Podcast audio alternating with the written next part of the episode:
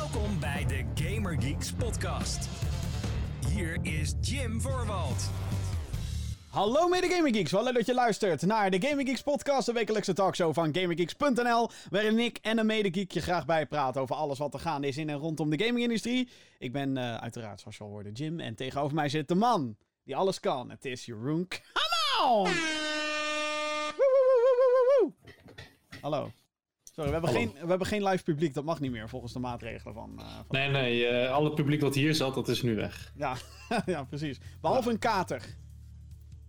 Geloof ik. Of is die ook al weg? Wat zei je? Een kater. Oh, nee, die is er nog. Oh, die is er nog. Oké, ja, maar die is, dat is moeilijk om te klappen natuurlijk. Althans. Weet ik niet. Uh, anyway, ja. hallo, welkom. Uh, datum van opname hallo. is uh, 20 april 2020. Dit is de 127e aflevering van deze show. Mocht je deze show enigszins leuk vinden en je wilt het op de voet blijven volgen, is wel heel snel oordelen nu, maar uh, je kan niet snel genoeg beginnen, denk ik dan. Uh, je kan deze show vinden op je favoriete podcast zien, zoals Google Podcast, Apple Podcast en Spotify. Of waar je eigenlijk ook maar naar podcast luistert. Er is ook een videoversie, die is te vinden op youtube.com slash gamergeeksnl. Mocht jij uh, daarop willen abonneren, dat YouTube kanaal heel graag. Die kunnen we goed gebruiken, dat abonnement. En verder is er nog meer over wat wij doen naast podcast maken te vinden op gamergeeks.nl. Dus, uh, Jeroen, hoe gaat het met je? Nou, prima. Ja. Lekker ontspannen dagje vandaag. Ja, oké, okay, fijn. En, en, bij jou? Ja, uh, ja, het is nog steeds dezelfde situatie hè, waar we met z'n allen in zitten. Ja, helaas. Wat betreft, uh, het, blij, het, blijft die gekke tijdscapsule. Um, maar ja, al... we, hebben nog genoeg te spelen. Dus dat, dat, dat, ja. ik haal op dat moment op die manier er maar wat positiefs uit. Zeker. Ja, en ook al zou ik zeg maar willen dat we een week het er niet over konden hebben. Over de wereldwijde situatie. Um, het is onvermijdelijk. Want ook deze week yep. weer nieuws rondom, nou ja, uh, COVID en corona of welke andere naam, pandemie. Welke andere naam je het eigenlijk ook wil geven. Dus dames en heren, bij deze, ik hoef het eigenlijk niet meer te zeggen, maar blijf binnen, hou afstand, was je handen, etc. Drie simpele stappen die je moet volgen. Om iedereen veiliger te houden. Dus, Um, nou, uh, het over games hebben we dan? Ja, dat is een goed idee. De playlist. Wat hebben wij allemaal gespeeld deze week? Nou, um, ja, kan wel voordat jij zo meteen zeg maar gaat met The Big One. Ik zeg niks. Ik hou mijn mond wel. Waar Ga jij maar verder. Waar ik overigens heel verbaasd over ben dat, we, dat ik daar nog geen klachtenmailtjes over heb gehad. Want we hebben het er gewoon nog niet over gehad in deze show. Over deze game? Over, waar ik het over heb? Ja, over de game waar jij het zo meteen over gaat hebben. Oké, okay, oké. Okay. What a cocktease! Oh my god, Jim. Hoe durf je? I know, right? I know. Maar goed. Um, een andere game waar ik het even kort met je over wil hebben... is, uh, is Wrath. Aeon of Ruin. Dit is een spel die ik... Um, uh, nou ja, heb gespeeld inmiddels. Grote dikke waarschuwing voordat iedereen het meteen nu gaat kopen op basis van mijn aanrading. Wat? Wat is een aanrading? Klinkt eerder als een aanrand. Anyway. Um, ik raad dit aan. dat is wat ik wilde zeggen. Uh, dit is een, een first-person shooter. En um, ik ben de laatste tijd natuurlijk best wel into de retro FPS. De, de ouderwetse shooters. Dat komt natuurlijk ook door de launch van Doom Eternal. Een game waar ik maar geen genoeg van kan krijgen. En ook zeker nog niet, nog lang geen genoeg van heb gehad. Moet ik erbij zeggen. Um, want hey, er is nou ook weer nieuwe cosmetics en zo zijn er te unlocken door gewoon weg die game te spelen. die hipster. Ja, er is nu een of andere hipster skin voor een demon waarmee je dan online kan tegen anderen. Hartstikke tof allemaal, hartstikke leuk. Um, maar ik ben de, de afgelopen paar jaar zijn er meer shooters uitgekomen. Het lijkt nu een soort van trend te zijn. Shooters die het gevoel van de jaren 90 weer opnieuw willen opwekken. Weet je wel, dat, dat, dat, dat ouderwetse design. Vaak blokkerige graphics. Vaak expres natuurlijk ook. Um, je hebt al games zoals uh, Dusk. Raad ik van harte aan. Ge geweldige game. A Medieval. Fantastisch. Ion Fury. Ook heel tof. Dat is uh, heel erg in de stijl van Duke Nukem 3D. En als je nu trouwens helemaal niet weet waar ik het over heb. Google even gewoon Duke Nukem en Doom 1993 of Doom Original en zo. En dan weet je een beetje waar ik het over heb. Deze game, Wrath, uh, is heel erg een. Um, ja, je kan het bijna een clone noemen. Maar dat is, vind ik dan ook weer niet genoeg credit geven aan de ontwikkelaars. Maar Wrath is een game die heel erg lijkt, of probeert te lijken althans, op Quake. En um, het, het, sterker nog, het draait op, uh, op de PC is het trouwens allemaal. Het draait op de Quake Engine. En een, een game engine is eigenlijk een soort blauwdruk van waar een game in gebouwd wordt, letterlijk. Uh, bekende hierin zijn bijvoorbeeld Unity. Die naam hoor je heel vaak voorbij komen. En Unreal. Um, maar de Quake Engine was in de jaren 90 echt de bom en de shit. Uh, sterker nog, de Quake Engine kreeg natuurlijk meerdere versies. Quake 2 Engine, Quake 3 Engine, et cetera, et cetera. Um, maar deze vormt dus de basis voor ook deze shooter. En daarom lijkt het heel erg op de originele Quake eigenlijk. Een, uh, een game die uitkwam in 96 aan mijn hoofd. En wat ik heel tof vind aan dit spel, is dat het inderdaad die, die snelheid ook heeft. En die hele blokkerige, pixelige graphics. Maar dan niet op zo'n manier dat, het, dat je denkt, eeuw, wat lelijk.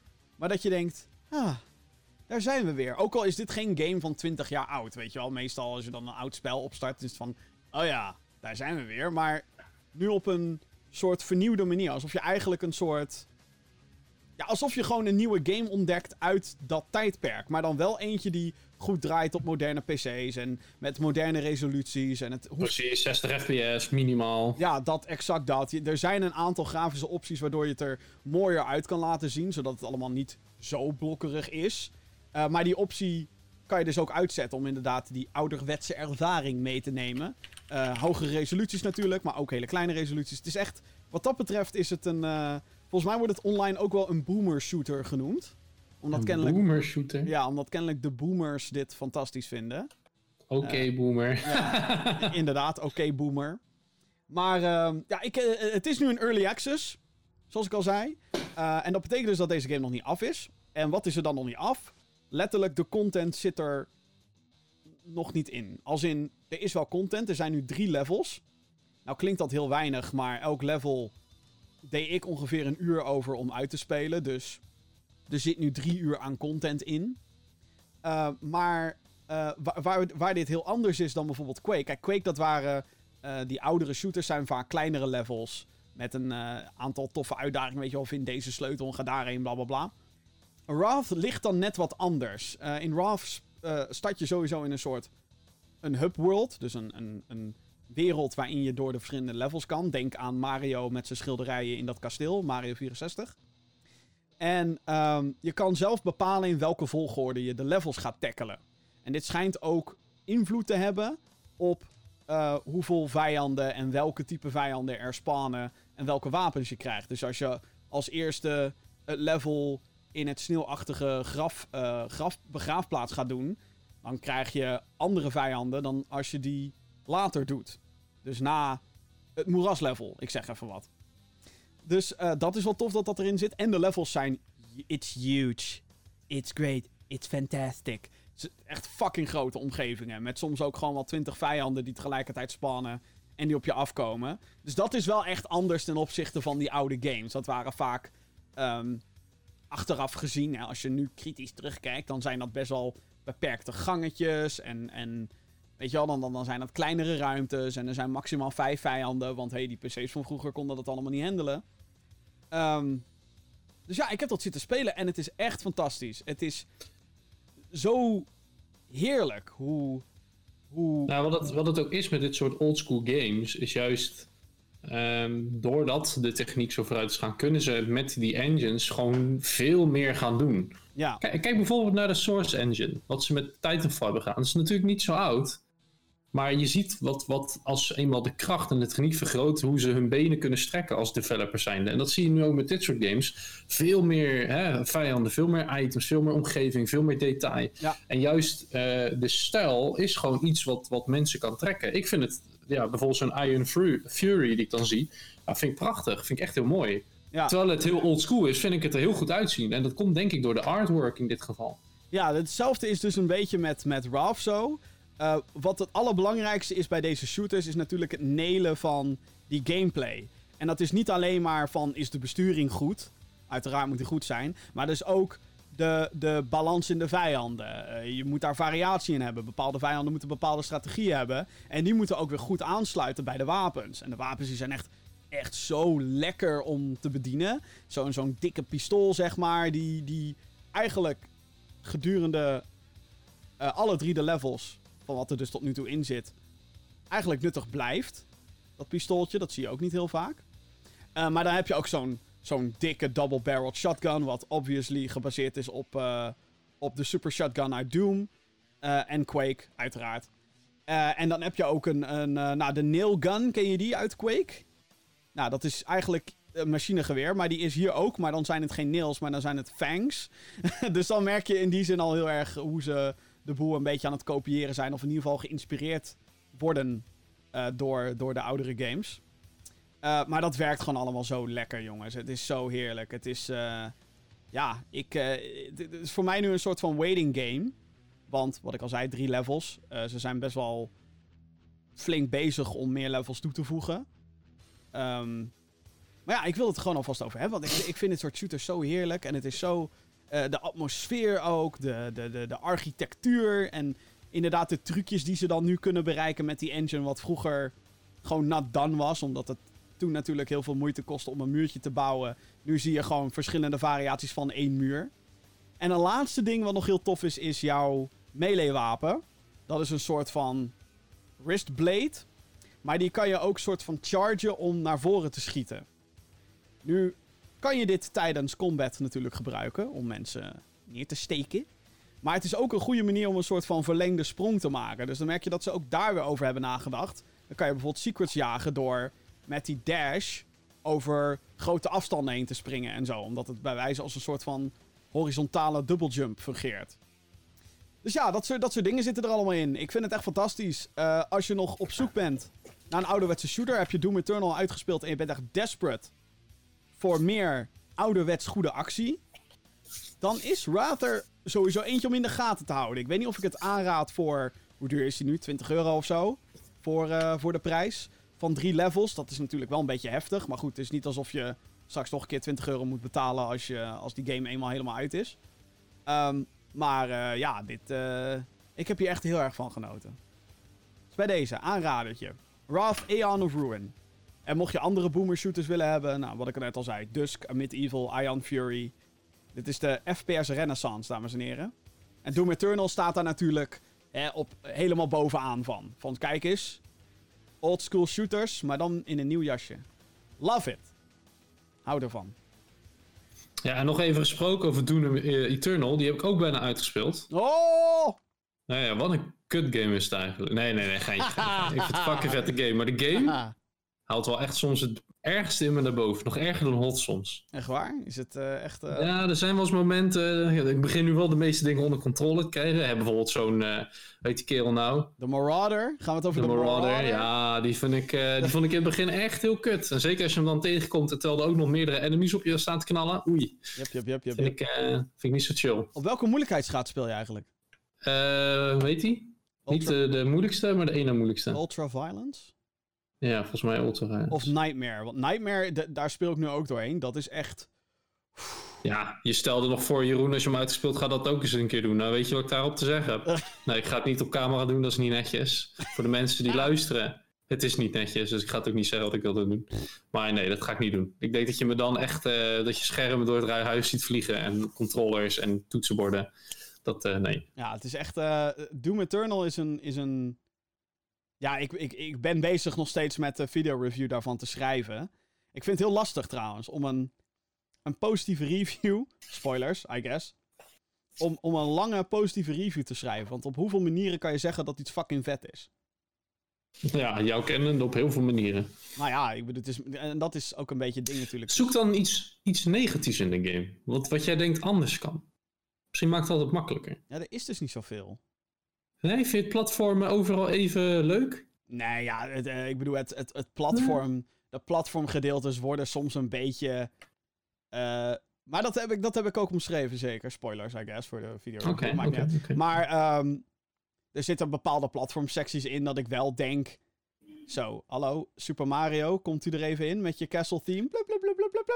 Ja, nou, precies, precies. Nou, ik vond het niet heel storend. Er zijn mensen die schijnen het helemaal niks te vinden. Ik heb zo van, nou ja, het geeft me hier en daar eventjes de rust om even tot rust te komen. Nou, dat game. vind ik dus ook. Ik, vind dat, ik denk dat die stukken ook bewust zo ontworpen zijn van, hé, hey, je hebt net een heftig stuk gehad, zometeen gaat de shit weer los in Doom Eternal. Dan wordt het weer, uh, je krijgt weer 80 demonen op je af.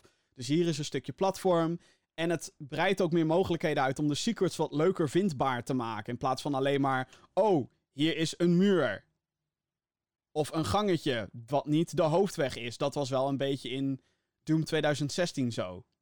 En ik denk dat ze vooral daarnaar gekeken hebben met, met betrekking op Doom Eternal. Van wat was er mis met Doom 2016? Niet heel veel, Weinig. maar Ja, precies. alsnog, de kritiek, er waren duidelijke kritieken. Ehm, en wat kunnen we daaraan verbeteren? En ik vind dat ze, wat dat betreft, is Doom Eternal echt gewoon misschien wel een van de beste sequels ooit. Omdat het alles wat mensen te klagen hadden over de vorige, is hierbij gewoon kwijtgeschonden. Compleet weg. En ook, ook die motherfuckers die nu helemaal gaan roepen... Ja, maar ik vond Doom 2016 leuk omdat het geen verhaal had. En Doom Eternal heeft te veel verhaal. En dan denk ik... Bro, Doom 2016 had drie unskippable cutscenes...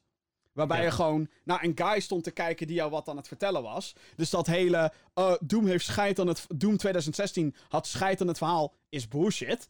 dat ten eerste. Maar ten tweede, in Doom Eternal zit inderdaad meer verhaal. Maar Ja, ook vind ik juist wel vet. maar ook met een mooie skipknop. Dus je kan het gewoon skippen. Briljant. Nou goed. Nou, maar ik vind juist het verhaaldeel wel cool. En zeker... Ah, nee, dat is misschien spoilers. Nee, dat ga ik niet doen. Nee, ik vond gewoon deel 1 Ah, vond ik j- heel j- vet. Jij bedoelt, denk ik, de manier hoe Doom deel Eternal... 2 begint. Oh, oké. Nee, ik dacht dat, dat jij bedoelde de manier hoe Doom Eternal zijn verhaal verbindt aan de rest.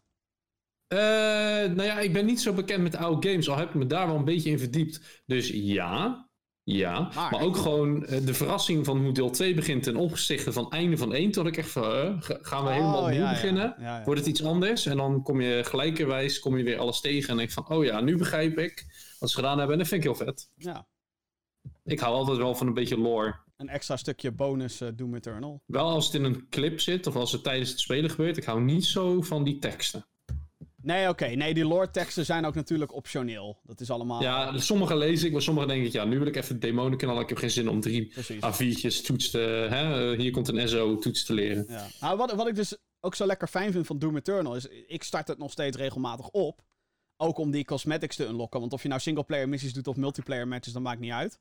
Ehm, en dan denk ik ook weer lekker naar als, als ik echt een goed level heb gehad, weet je wel, en ik die, gewoon die demon echt eh, keihard geowned heb. Dat ik denk, oh man, heerlijk. Nog een leveltje. maar ook de levels in Doom Eternal zijn best wel lang. Dus eh daar kan je nog best wel flink bezig zijn, zeg maar. Goed, eh, nou, laten we naar de crème de la crème gaan. Want Doom Eternal is al een maand uit, ah, trouwens, op datum van opname. Wauw! We hebben al een maand van Animal Crossing en van Doom Eternal mogen genieten. Wat mooi. Wordt tijd voor de video review, dames en heren. Goed, maar eerst een andere game die deze maand is uitgekomen. De crème de la crème. Een van de meest most anticipated games of all motherfucking time. In 2005 werd dit voor het eerst geteased bij de, bij de persconferentie over de PlayStation 3. We zijn nu in 2020 en het is gebeurd. Final Fantasy 7 Remake. En ik heb hem niet gespeeld, moet ik erbij zeggen. Oh. Ik al eh, over de 23, 24 uur zo? Jezus. Nou ja, ik heb nu een paar dagen weinig gespeeld eigenlijk. Maar in het begin, ik was eh, zo over de 15 uur heen hoor. Ja, eh, ik moet daarbij wel zeggen, hij staat geïnstalleerd op mijn PlayStation. Oké, oké, Dus oké. eh, het is voor mij zeg maar eventjes... ik ben nu nog even bezig met de Doom Eternal review. En ik wil Ori even uitspelen en Resident Evil 2 remake. En daarna... Ik ken het probleem, Jim. Ik ken het probleem. Want ik heb ook van, eh, ik wil eh, Fallen Order nog even kopen. Ah nee, doe maar niet, want ik moet ook nog Doom uitspelen, Final Fantasy uitspelen, Death Stranding uitspelen. Ja. Weet je, zo blijven er maar dingen komen. Maar goed, Final Fantasy 7 Remake. Een van de... Nou, ik zei het net al. Most anticipated games aller tijden. Origineel kwam natuurlijk uit op de PlayStation. En voor jou is dit een hele bijzondere game. Want ehm, Ja, ik ga zo meteen mijn mel houden. Dan mag jij gewoon volledig lekker je gang ja, ja ik, ik wacht rustig af. Maar eh, een van mijn leukste herinneringen bij Gamer Geeks was de E3 2015, geloof ik. Toen Dat kan, wij. eh, eh, nou, ik zat de Sony livestream zaten we toen te, te restreamen, zeg maar, met ons eigen commentaar erbij. Zoals we als professionele contentmakers doen. En ehm, ja, dat was op jouw zolderkamer toen nog. Eh, in het ouderlijk huis. En volgens mij zat ik naast Vincent, zaten die persconferentie te kijken. En het was best wel. Ja, ehm, Het was, het, het was heel laat. Het was iets van drie uur s'nachts of zo, weet je wel. Echt van die Amerikaanse kuttijden. En op een gegeven moment komt er zo'n trailertje en je hoort, zeg maar... En ik zeg tegen Vincent, die naast me zat, ik zeg... Dit is fucking Final Fantasy 7. Hij zo, ja dag, bullshit, bla. Ik, bro, ik hoor het aan die soundtrack nu al. Zeg maar, en ja hoor. Wat zeg maar de opening is van de opening cutscene. En ineens uit een hoek kwam een of andere zombie uit de dood. Kwam. Wat? Wat? No! Ja, maar niemand, niemand had het verwacht. Dat Het was echt gewoon. Gaman ontwaakte, want Final Fantasy 7 Remake was officieel aangekondigd. En nu alsnog weer vijf jaar later. Het is uit, hè hè? Hoe is het mogelijk? Maar jij Het hebt... is gewoon, het is gewoon een wonder. Ja. Maar jij hebt eh, hier belangrijke... Of dit is een hele belangrijke game voor jou, want jij bent fan van het origineel. Nou, laat ik het zo zeggen. Het, eh, het origineel. Toen was ik nog wel best jong toen ik dat voor het eerst speelde. Ik denk dat ik de intro-scène. Nou, voor de mensen die het niet kennen, dat is eigenlijk de, de meest beroemde scène waar je dus mee met een trein de stad in komt rijden en een generator, een stroomgenerator moet vernietigen. Die heb ik ondertussen. Het is trouwens de demo van de game. Die is voor mij nog steeds te krijgen. Dus als je interesse hebt naar dit verhaal, de demo kan je sowieso gratis spelen. Ehm, ik denk dat die originele vier keer in het Japans Jezus. en tien, tien keer in het Engels en dan nog wat je nu hebt gespeeld. En daarna de rest van de game, want de game is gigantisch. Ik denk dat eh, het grappige is, mijn moeder die speelde vroeger ook games. Die was ook helemaal verknocht aan Final Fantasy. Die heeft dus Final Fantasy 7 zo goed als uitgespeeld. Volgens mij kreeg ze het niet voor elkaar om de eindbaas van de game te verslaan. Nou, Dat heb ik nog een keer geprobeerd. Mij is het ook toen niet gelukt. Want hoe oud was ik? 10? 12? Zoiets. Eh, maar ik heb wel die game dus gewoon heel diep in me zitten. Ik heb er zoveel mee gespeeld. Eh, de, de muziek, de, eh, de, de... Volgens mij probeert er een kat uit me aan te springen. Oh god, wat? Dat hoop ik niet. nee, hij is naar buiten aan het kijken. Maar ik doe hem wel een beetje dicht voor de zekerheid. Oh shit. Hop. Ehm, Ja, Maar ik wat zie- het ik- is, ik is zie dat inderdaad de- een pootje uit het raam. ja, Dames en heren, tijdens deze podcastopname zijn we live getuigen van wellicht een kat die iets te triest denkt over de status van de wereld. Doe het niet! Doe het niet! Oké, hij, hij gaat al. Oké. het is weer veilig. Het is weer Cri- veilig. Crisis of. Nee, maar ehm, de, de muziek, de, de stijl, het verhaal, het ging allemaal best eh, heel ver. En er werd veel energie in gestoken. Maar als je het origineel gaat bekijken, dan zie je gewoon dat het grafisch niet helemaal je van het is. Dus ik was al persoonlijk veel meer gewend aan games zoals een Super Mario op de Super Nintendo en zo. En, en eh, PlayStation eh, had ook games die er echt wel een stuk beter uitzagen dan dit. Ehm, dat polygone poppetjesverhaal, laat maar zeggen, als je over de open world eh, loopt. ja, en op ja, echt, moment- dat, het, dat het twee driehoeken en een. En een Ja, precies. pixel precies. Dat je eigenlijk niet kan zien of het een vrouw of een man is, of dat het een gezicht heeft, ja of nee. Ja. Behalve als je in de battles ging, want dan werd de stijl van de game opeens heel anders. Ja, dan werd het high, higher quality natuurlijk, models die Ja, dan precies, worden, precies. ja. Nou, en op een bepaald moment kwam de, de PlayStation 3 uit en er kwam op een bepaald moment een eh, ja, soort van demo om te laten zien hoe sterk de PlayStation was. En hadden ze dus die allereerste scène van de originele game hadden ze gereworked en in HD gedaan. Toen zei ik tegen een vriend van mij, zo, dat lijkt me wel vet als we dat gaan doen. En die zegt, ja, dat gaat niet gebeuren, want dit gaan ze pas doen op het moment dat eh, als Square Enix eh, hè, bijna failliet gaat. En ze hebben echt een, een goede klapper nodig. Dan gaan ze pas die game remake. Want één, het kost ze gewoon heel veel tijd en geld. Want ze moeten het helemaal opnieuw gaan doen. Dat kunnen ze niet in de engine doen die ze hebben. Of in een. eh, hè, dat moet helemaal van scratch gedaan worden. En, en het is gewoon te. Ik, Oké, prima, prima. En toen kwam dus die aankondiging. Nou, ik ging los. Ik ging echt los. En, en, en ja, hoe meer er kwam, hoe meer er bekend werd, hoe, hoe, hoe, hoe leuker ik begon te vinden. Ook de muziek werd weer helemaal opnieuw gedaan met orkesten. En daar had ik al een klein eh, voorproefje van gehad. Ik had de game Crisis Core op de PSP gespeeld. En dan zie je ook al een beetje van hoe ziet een eh, wat ho- hogere resolutie Final Fantasy 7 eruit. Want dat is een verhaal wat zich voor de originele Final Fantasy 7 wat- afspeelt. En we hadden natuurlijk de film, Advent De Children. film, Advent Children inderdaad, die laat dat ook heel goed zien. Dus ik, ik was er gewoon klaar voor. En ehm, nu het origineel er is, of de, de nieuwe versie er is, ja, het, het raakt me gewoon echt. Ik vind het heel mooi, het verhaal pakt me gewoon weer.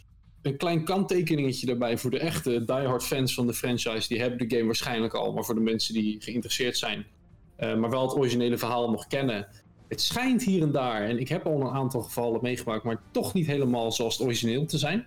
Ik heb zelfs dingen gehoord dat de mensen een beetje geïrriteerd zijn daarover, omdat het echt op bepaalde gebieden heel erg anders is. Nou, ik heb dat gelukkig nog niet gemerkt, of het heeft me nog niet geïrriteerd althans. Uh, want volgens mij is het alleen maar in mijn ogen iets duidelijker gemaakt van bij het origineel. Nou, probeer maar eens een keer dat te volgen. Zoek er een filmpje over op, maar dat gaat. Uh, is bijna net zo erg als Metal Gear Solid. Zo uitgebreid hoe, en zo. Uh, hoe, sta jij, hoe sta jij daarin? Ben jij iemand die van tevoren zoiets had van verander alsjeblieft zo weinig mogelijk? Of was je juist iemand die zoiets heeft van. Nou, weet je, ik bedoel, moderne remake, dus er moet. Wat, wat is het nut als je alles één op één gaat doen?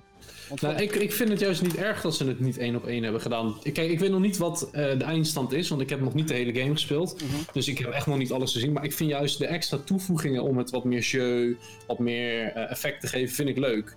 En dat is toch wel, hè, zeker qua ontwerp en qua characters, heel erg bij uh, hè, waar ze vandaan zijn gekomen, zijn gebleven. Dat vind ik heel tof. En dat je dan een beetje gaat spelen met het verhaal, waardoor het misschien beter op de film aansluit, of waardoor het beter aansluit op uh, Crisis Core. Ja, prima. Tuurlijk, er zullen fans zijn die er echt totaal tegen zijn. Uh, maar ja, dat, die zijn ook tegen het feit dat de game opgesplitst is in delen. Dus de ja, game. Wat vind je daarvan? Want kijk, ik, voor mij is het gewoon zoiets. Dat ik zoiets heb van ja, weet je, ik bedoel, als deze game genoeg content biedt en zo. En dat schijnt het echt wel te hebben. Uh, ik erger me er niet aan. Behalve dat we natuurlijk nu in zo'n periode zitten dat we van generaties gaan wisselen.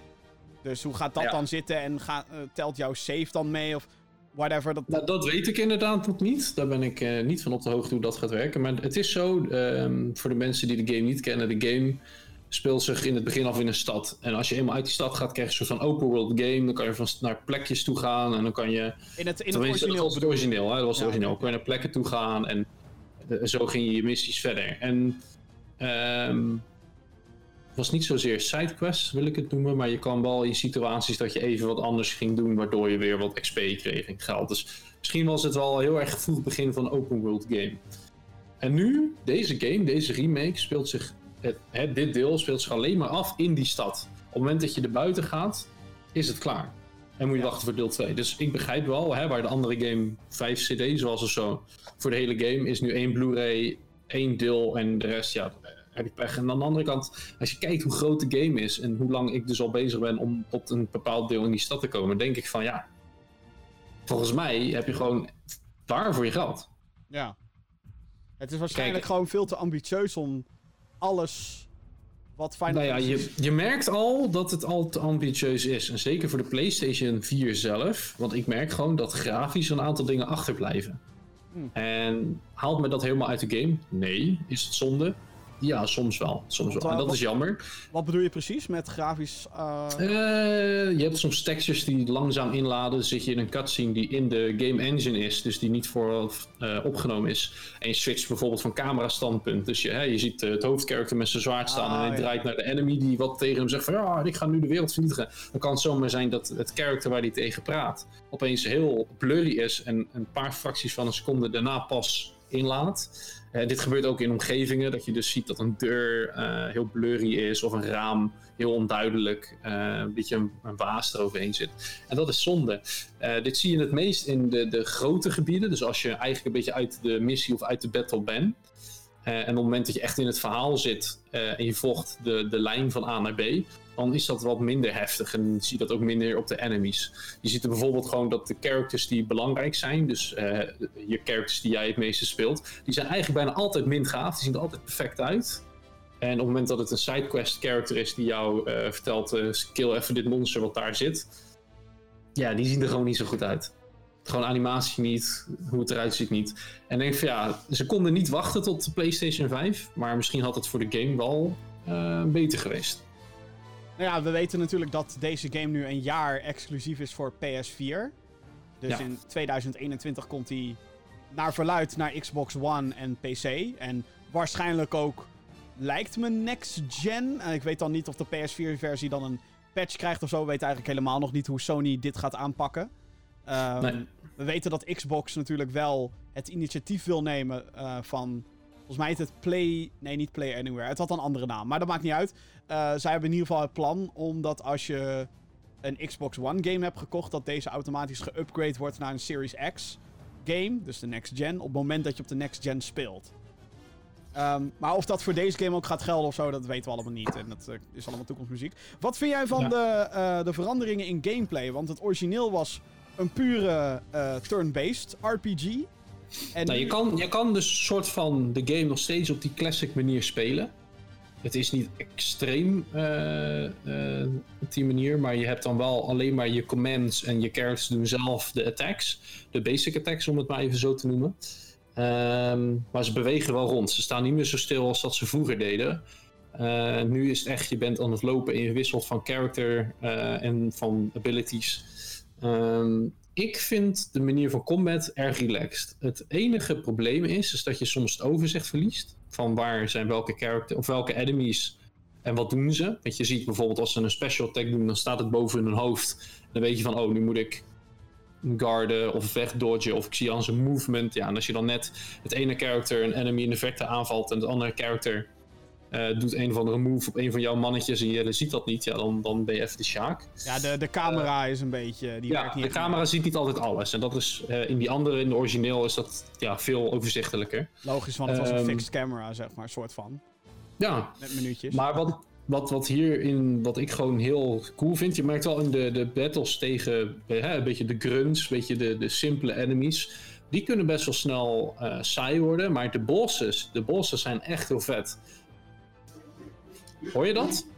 Ik, ik hoorde iets, ja. Wat, wat, wat is dat dan? Ja, er, was- er zijn mensen met een soort van scooterrace aan het houden of zo. Ik denk even frisse lucht in mijn, op mijn zolder, maar dat werkt niet.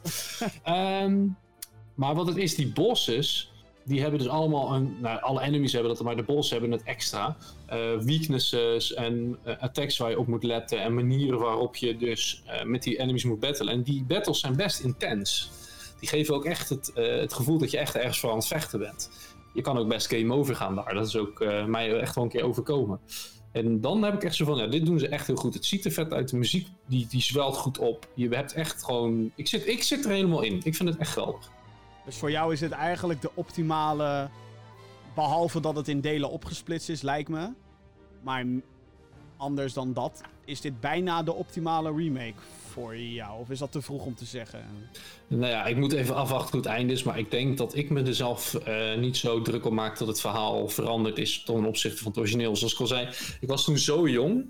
En dan, dan ontvang je dat soort dingen misschien net even minder heftig dan iemand die dus nu wat ouder is en die game echt goed heeft eh, onthouden. Oké, boomer. ja, bijna dat, ja. Ja. Dus ja, ik, ik denk dat ik me daar niet zo, eh, niet zo door laat leiden. Ehm, ja, het is natuurlijk even de afwachting hoe ze het gaan afkappen aan het eind.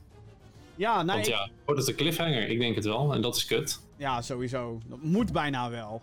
Ja. Zeker als het een soort multipart eh, serie wordt. Eh, het enige waar ik dan een beetje mee zit, maar ja, dat is als iemand die nog helemaal niet weet waar die aan toe is. Eh alhoewel, ik weet wel een beetje waar ik aan toe ben, want ik heb de demo wel gespeeld. Ehm, wat zeg maar inderdaad het eerste uur van de game is, geloof ik.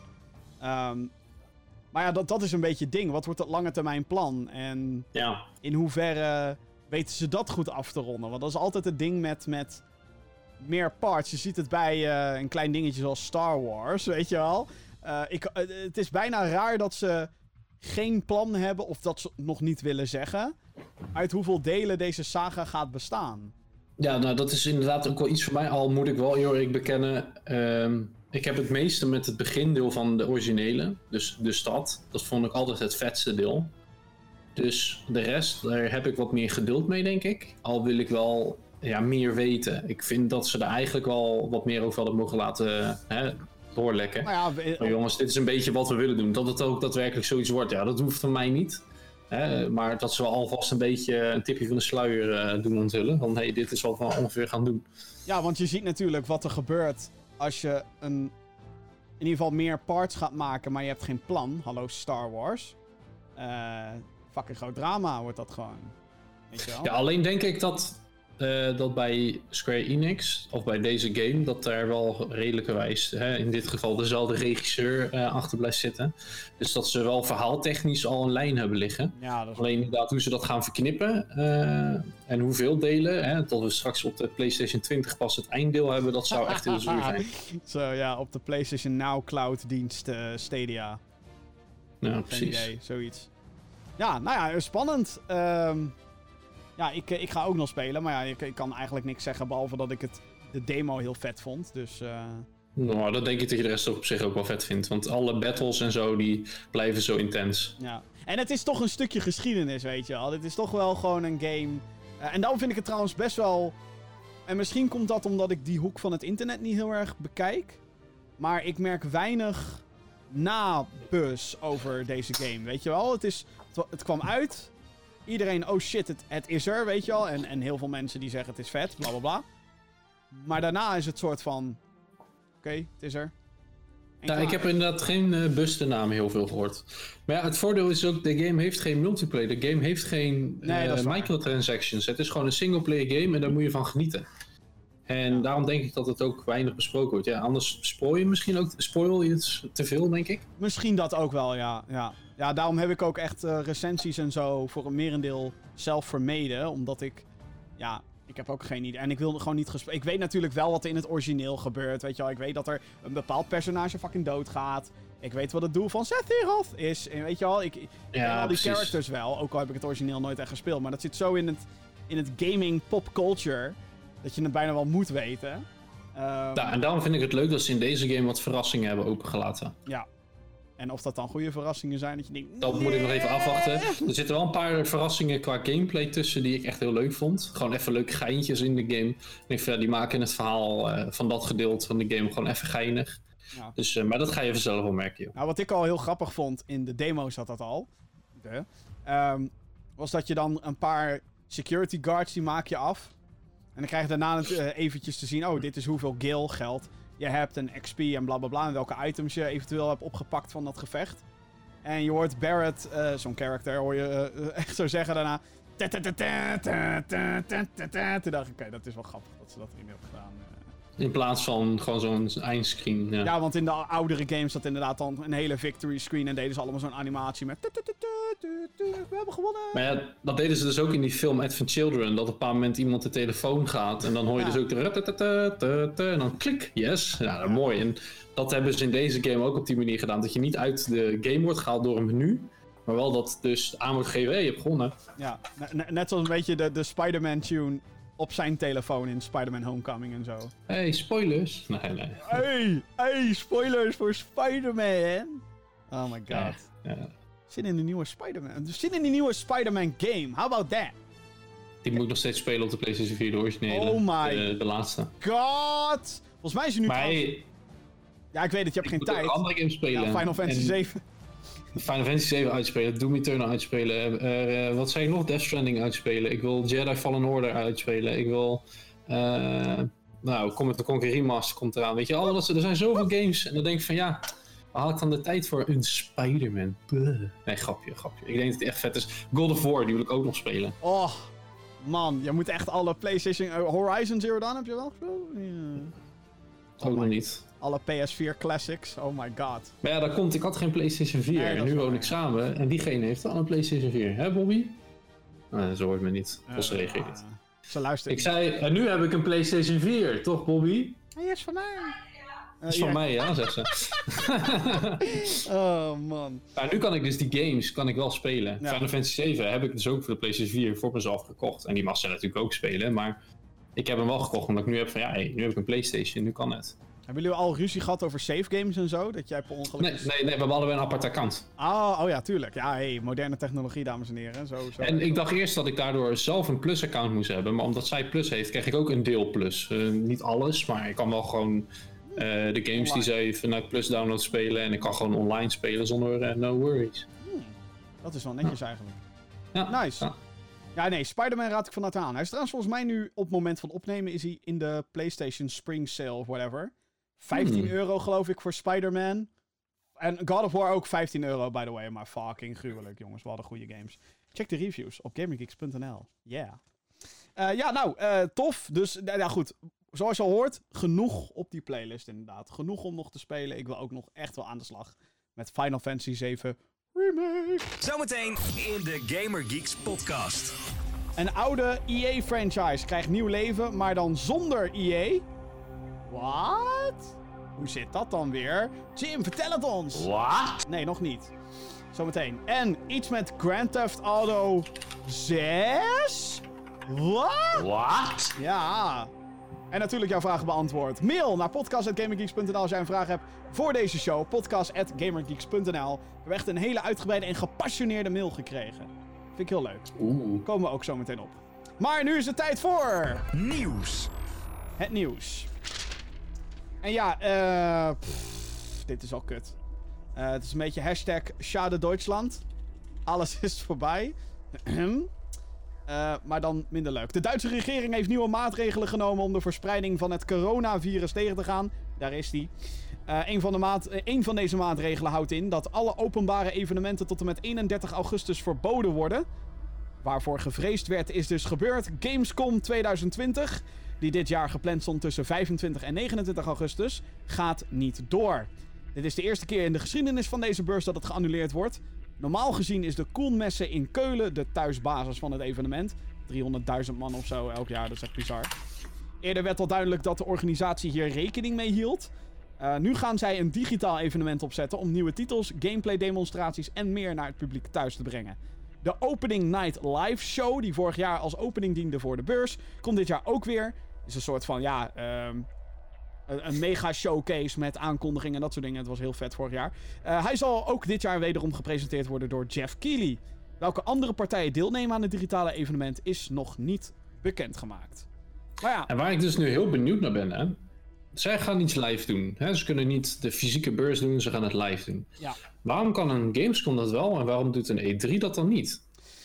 Ja, eh, E3 heeft inderdaad aangekondigd dat zij eh, geen digitaal event zelf gaan houden. Eh, ik denk dat dat ook komt omdat de E3, ook al hebben wij natuurlijk persconferenties elk jaar van alle partijen, die zijn officieel niet vanuit E3 georganiseerd. Hmm. Dus dat is dan een Microsoft die zegt wij gaan een persconferentie houden.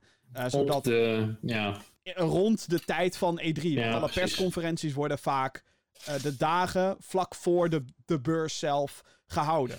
Eh, Maar dat zou toch goud zijn dat zo'n organisatie dan zegt, nou hè, in plaats van dat we een beurs doen, dan regelen wij dat jullie die, die conferenties kunnen houden. Desnoods op een niveautje hoger, want ze, het geld verdienen ze dan alsnog. Of ze moeten al bijna failliet zijn. Nou ja, sowieso zit E3 een beetje in zwaar weer. Ehm, Ja. Dus het, het- het- creatief gaat het daar niet goed. En ik weet niet wat, hoe, hoe het financiële plaatje van de ESA, de eh, Electronic Software Association of zoiets, van Amerika. Eh, de Entertainment Software, So- whatever. ESA, zo heten ze. Een of andere organisatie die E3 doet. Ehm, ja, die, die, die hebben ge- gewoon besloten om dat niet te doen. Ik denk dat zij puur en alleen gewoon voor die beurs gaan. Eh, ik denk ook dat zij de in, ja, ik weet eigenlijk niet waar. Ja, de inkomsten halen zij uit de mensen die op de beurs staan, dus de standhouders. Ehm, en de afgelopen paar jaar ook uit de bezoekers die naar de beurs komen. En als dat allemaal wegvalt, ja, wat moet je dan als evenement doen? Je kan denk ik moeilijk de LA Convention Center openen voor digitaal opgenomen presentaties. Die, waar Nou waarschijnlijk. ja, ook je hebt nog steeds het geld van de mensen die dan daar meedoen. Maar ja, dat Ja, wordt er ook denk- steeds minder, dus Ik denk ook dat heel veel mensen daar nu geen behoefte aan hebben. Kijk, ik denk dat nee. Gamescom en, en met name dan die Jeff Keighley, die, die doen natuurlijk nu die opening show als een soort van, hey, we zijn er nog, weet je wel, en, en ons eigen initiatief. En ik denk dat E3 zoiets heeft van, joh, beurs gaat niet door, tabé, tabé ermee. Het is gewoon een andere filosofie, denk ik. Maar ja, Eh, gaan ze dat volgend jaar dan wel voor elkaar krijgen? E3, ja, dat iedereen denkt dat E E3 2021, on- ondanks dat ze trouwens een datum hebben aangekondigd voor eh 2021. Maar ja, dat wordt toch een beetje, eh, meh. Maar ja, ik vind het echt kut, man. Eh, kijk, weet je, eh, een paar, wat is het, anderhalve week geleden, of anderhalve week, lol. Anderhalve maand geleden of zo had ik nog een video opgenomen over dat E3 geannuleerd werd. En dat, dat je dan zeg maar merkt dat de shitshow rondom corona for real is. En toen was ik nog heel optimistisch van jongens, Gamescom is pas in augustus. Weet je als we nou met z'n allen gewoon en dan komt het allemaal goed en bla. Ik had dat net zoals de rest van de wereld natuurlijk onderschat. Eh, dus het is, eh, weet je, het is volkomen begrijpelijk dat het niet doorgaat. Ik denk dat als je nu iets niet moet doen, dan is dat eh 300.000 man in een koelmessen bij elkaar brengen.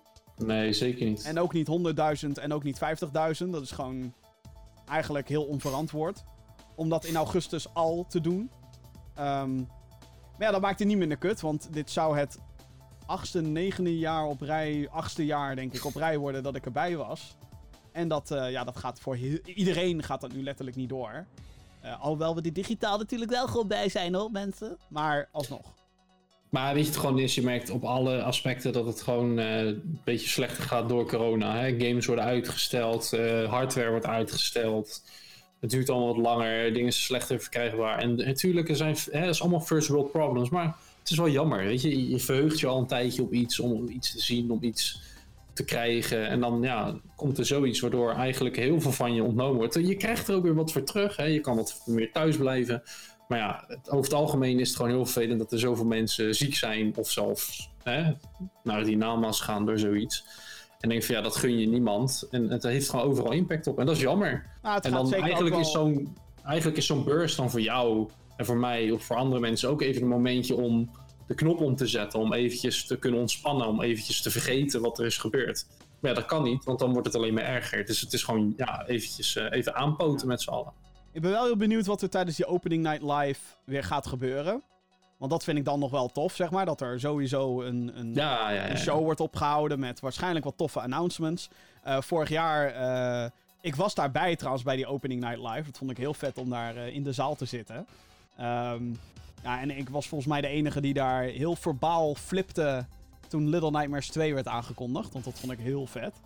Ehm, dus ja, dat soort momentjes is dan wel tof. En, eh, Maar daarom is het ook goed dat ze zo'n stream doen. Want je ziet nu op dit moment vaker eh, organisaties of artiesten een stream doen om mensen hè, even te peppen. En dan denk ik dat juist zoiets ook heel goed is om inderdaad, zoals je eerder zei, hè, we zijn er, we gaan gewoon verder, we zijn er met z'n allen. Ja, dat is leuk. Ja, en laten we dan ook in godsnaam hopen dat het in augustus dat de situatie ook daadwerkelijk verbeterd is. Hè, dat we Ja.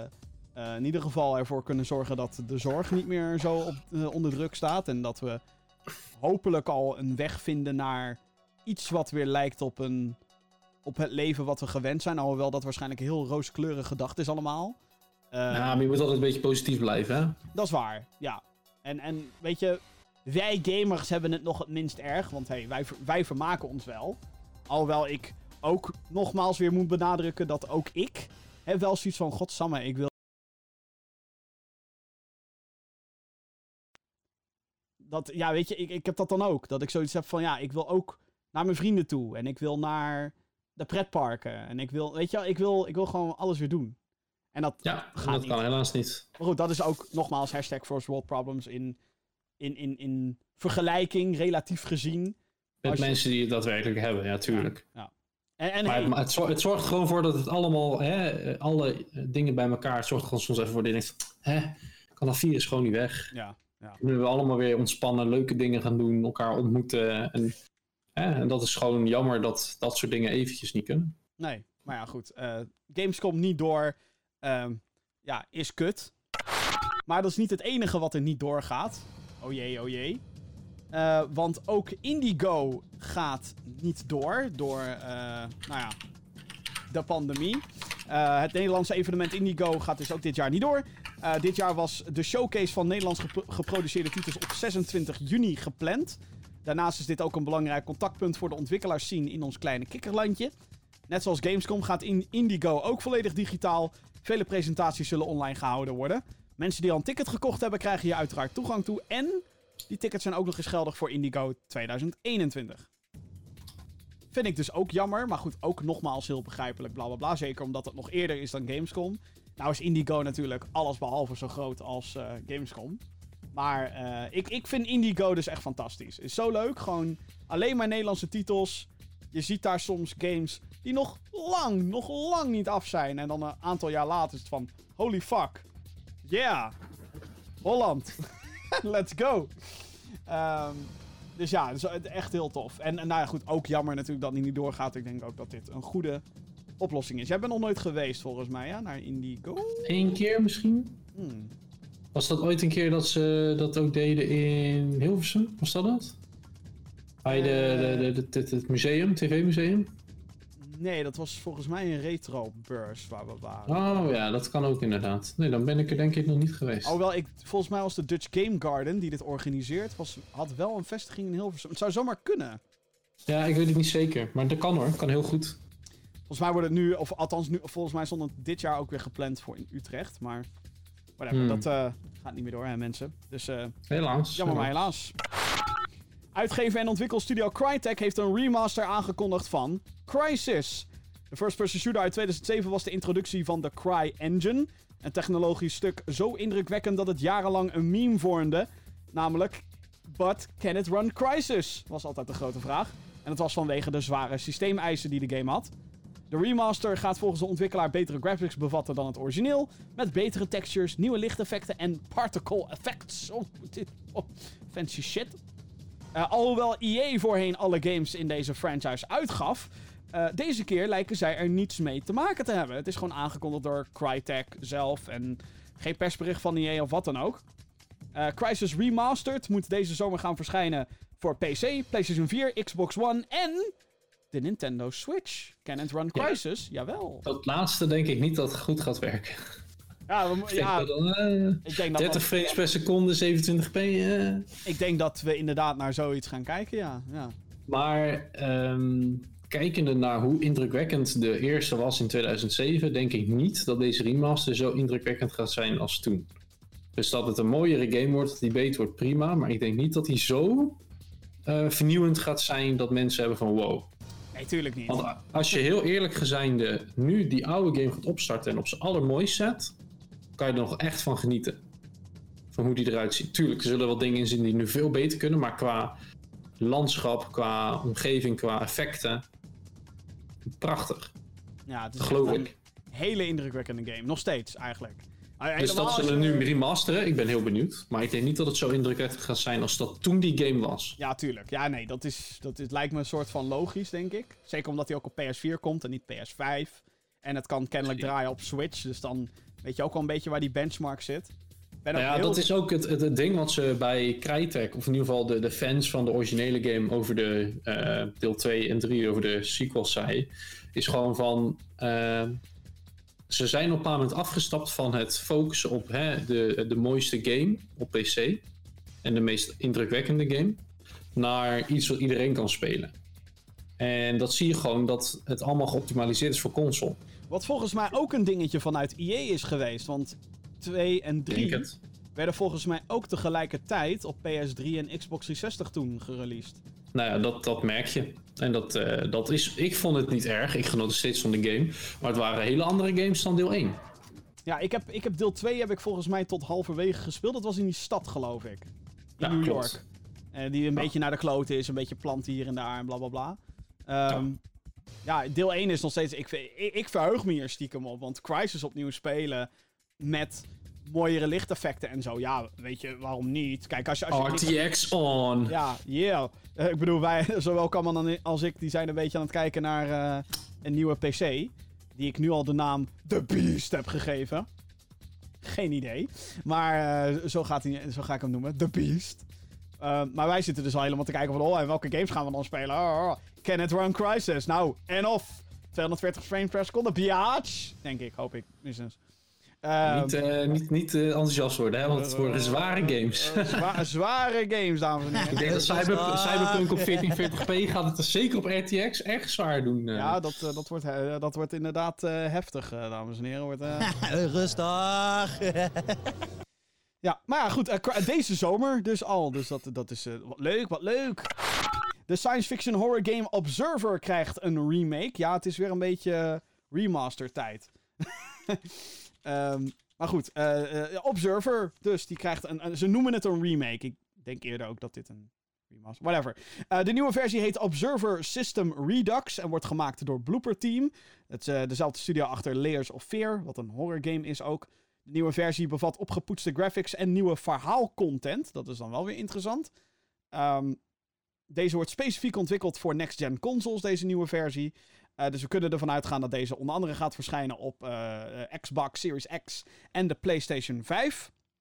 De game staat voornamelijk bekend omdat de hoofdrolspeler niet minder is dan de overleden acteur Rutger Hauer. De originele release was een van zijn laatste stemrollen. eind dit jaar verschijnt Observer System Redux. En dan waarschijnlijk, ik denk ook voor PC. Ik heb het nog nooit gespeeld. Ik, hoe het eruit ziet vind ik heel vet. Eh, een beetje ook een, hè, een beetje die, die, die, die technische, maar toch ook weer oldschool vibe. Ja, het is, Dat ze heel noemen het een, cyberpunk first-person puzzle horror dinges. Ja, alleen het horrorfeit, ik weet niet of ik dat trek. Nou ja, het is heel veel flashy dingen in je gezicht douwen en een eh, creepy sfeer neerzetten van oeh, weet je wel wat hier eh, gebeurd is. en dan bloed en je gaat, het, het dingetje is, de, de Rutger Hauer is dus eh, een observer en dat is dus iemand die kan in andermans brein hacken. Dus het lijkt inderdaad heel erg op Cyberpunk of Cyberpunk lijkt op dit, dus maar net hoe je het noemen wilt. En dan zie je natuurlijk allemaal fucked up shit van wat er in men, mensen hun brein afgaat, afspeelt. Ehm, dus ja, dat kan best fucked up zijn. Maar het ziet er wel echt goed uit. Ik heb die trailer gezien. Ik heb er net even snel nog doorheen geskipt. En het ziet er echt goed uit. Bijna zo goed ik denk van, eh, want wanneer komt deze game? Eh, de- deze versie komt eind dit jaar, Observer. System. Ah, oké, jammer. Hij komt na Cyberpunk. Ja, dan is Cyberpunk voorrang. Sorry. Ja, sowieso, ja. Ik vraag me ook... eh, ja, ik vind het wel opvallend dat ze dus nu, nu al op de soort van remaster tour gaan voor next gen. Nou is dit natuurlijk geen grote partij en bla bla bla. Ehm, eh, aan, de andere kant, ik weet niet, is het om nog wat extra cash uit Rutger Hauer te halen of zo, nu die er niet meer is? Is dat... eh, Nee, dat kan. hmm. Ik dat hoop, kan. ik hoop van niet natuurlijk, maar ja. Blijf, het blijft toch een beetje, eh, ik weet niet, ik, ik, vind, ik vind dat altijd... Ik bedoel, het, het is niet alsof ze de rechten niet hebben om zijn stem eh, nog te kunnen gebruiken. Ehm Maar de game is inderdaad nog niet zo heel oud. het is 2017 uit mijn hoofd. Ja, dat, eh, dat zeg je goed. Windows, Oh, wow. PlayStation 4 en Xbox One was 15 augustus 2017. Ja. Ja. Ja. Volgens mij is hij ook gratis al geweest op Epic en zo. Dus, eh. Hij is zelfs op de Nintendo Switch. Oh, oké. 7 februari 2019. Oh. Hoe zou die daarop draaien? Kut. Zo. Zo. Ja, de Switch is niet bedoeld voor dat soort games. Ja, dat Ook The Witcher. The Witcher 3 zou ik ook echt... Ja, er zullen mensen zijn... Ja, leuk om de weg The Witcher 3 spelen. Maar je krijgt niet... Als je de game nog nooit gespeeld hebt, zou ik zeggen... Nee, doe het niet. Maar volgens mij staat er cross-save in met de PC-versie. Dat vind ik dan wel weer vet. Ja, dat is wel weer vet, ja. Maar Ja, gewoon hè, technisch gezien... Als je de game nog nooit gespeeld hebt... Zou ik zeggen, speel hem op een apparaat, console... Die hem wel redelijk kan draaien. En niet eh 27p zelfs lager op 30 fps. Hij is 540p eh, op eh, Switch. Oh, man, mijn hart. Mijn PC Master Race hart. Oh. oh, Oh. god. Dat wordt ook zo'n game die ik trouwens echt wil gaan spelen als die nieuwe PC er is. Gewoon even al die beauty aanschouwen. Oeh. Oeh. Man. Oké, ja. Eh, nog minder leuk nieuws dan. Ehm, deze week zijn twee bekende stemacteurs in de gaming scene overleden. Paul Haddad overleed deze week op 56-jarige leeftijd aan keelkanker. Hij stond bekend als Leon S. Kennedy in de originele versie van Resident Evil 2 uit 1998. Dus dat is echt oldschool, zeg maar een oldschool cult held is dat. Is die jong, eh, jong overleden, zeg? Ja. Weet je. Ja. Eh, hij vertolkt een soortgelijke rol in Daymare 1998. Een indie horror game die als eerbetoon dient aan de oudere Resident Evil games. Volgens mij moet die game nog uitkomen. Die komt volgens mij binnenkort. Eh, die deelde het nieuws ook trouwens, die developers van onze vriend en, en Star is, eh, is helaas niet meer onder ons. Daarnaast is Rick May overleden aan corona. Het bekendste wat, hij, eh, wat uit zijn keel kwam was ongetwijfeld Do a Barrel Roll. Hij speelde Peppy Hare namelijk in Star Fox 64. Hij had ook stemrollen in Sly Cooper 3, Age of Empires 2 en was The Soldier in Team Fortress 2. In die laatste game werd hij ook eh, heel veel geëerd deze week met allemaal tribute filmpjes en fanart en dat soort dingen. Ehm, ja, het was eh, echt een eh, mooi om te zien zeg maar hoe men bij elkaar kwam. Eh, Rick May is 79 jaar geworden. Dus ja, dat Ja, is ook, ja, ook niet, kan altijd ouder, maar gelukkig niet zo jong als die ander. Dus hij heeft in ieder geval wat meer leven gehad. Ja. Maar om dan inderdaad dood te moeten gaan door zo'n virus. Ja, ik bedoel...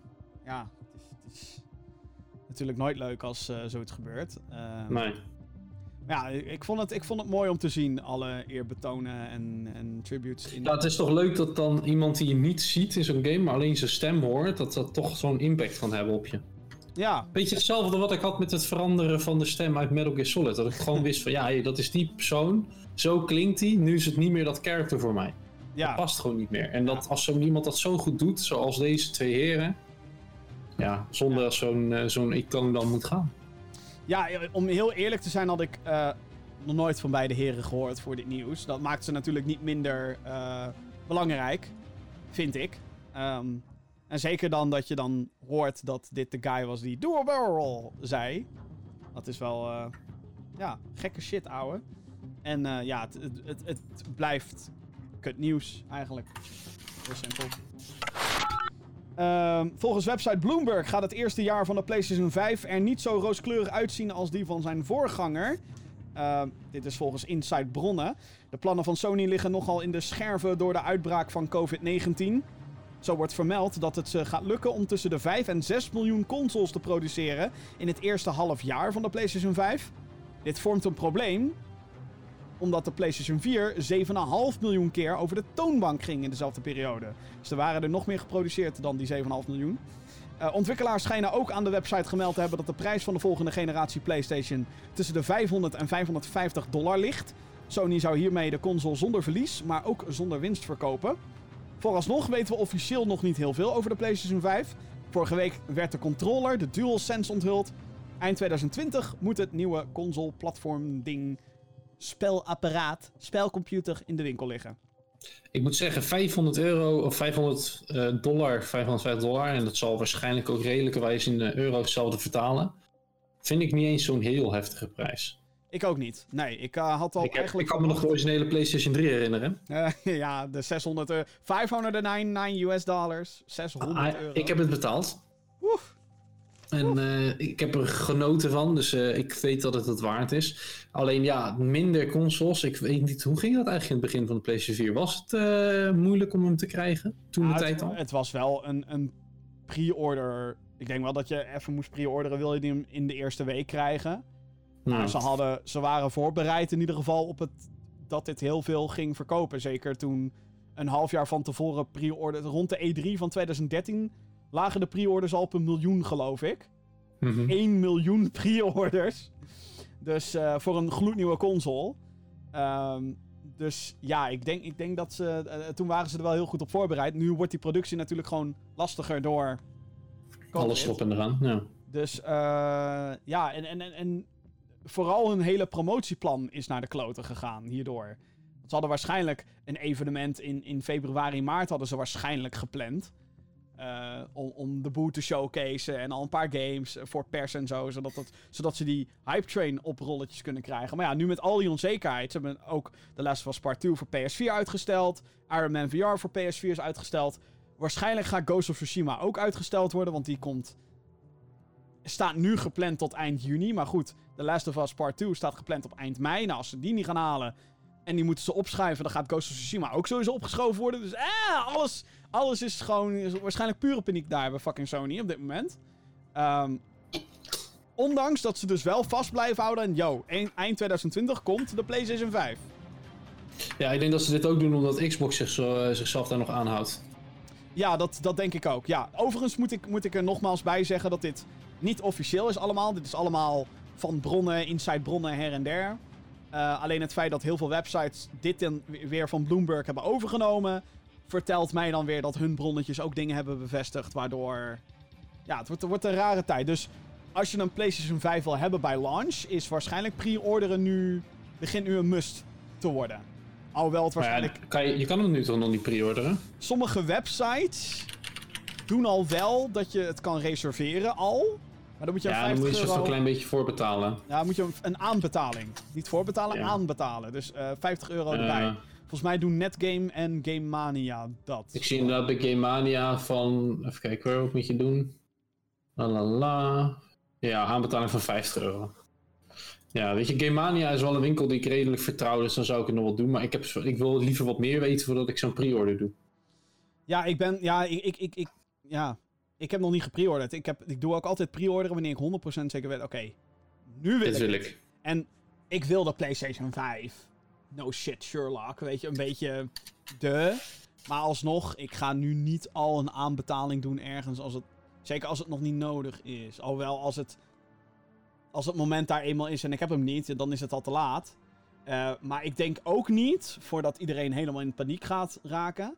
Ik denk ook niet dat we Nintendo Wii of uh, NES Classic Mini praktijken moeten gaan verwachten. Het is niet zo dat ze er echt maar 100.000 maken voor Europa en that's it, weet je wel. Eh, Ja, dat was inderdaad het probleem met, met, die, met die minis. Is dat ze ook een maximale maakten en ook niet meer opnieuw. En bij PlayStation gaan ze natuurlijk blijven maken. ja. Dus ook al heb je hem ook niet in week 1, dan is dat zelfs voor mij geen drama. Hoewel ik natuurlijk het liefst die dingen op launch heb. Want hey, zo'n zo'n gamer geek ben ik dan alweer. Ehm maar ja, ja het we, we moeten het allemaal maar afwachten, jongens. We moeten maar gewoon kijken maar hoe het het allemaal gaat. enige waar ik gewoon hoop dat Sony zijn, zijn controle houdt, is op de kwaliteitscontrole. Dus op de testen of die apparaten goed zijn. Want ik kan me nog heel goed herinneren hoe dat toen bij, eh, bij de Xbox 360 is gegaan met de originele. Daar gingen ze ook lekker eh, eruit knallen. En voor je het wist hadden ze allemaal een rode ring van eh, de dood. Ja, En ik hoop gewoon dat, dat PlayStation, al wordt het er maar minder, ik denk dat mensen liever wachten. Dan dat ze na een, een paar maanden een apparaat hebben dat eigenlijk niks meer waard is en als een baksteen eh, eigenlijk op de, Ja, op de plank je- staat. voor hetzelfde geld zeggen ze alsnog over een paar maanden: guys, hoe kut het ook is, we gaan het niet redden.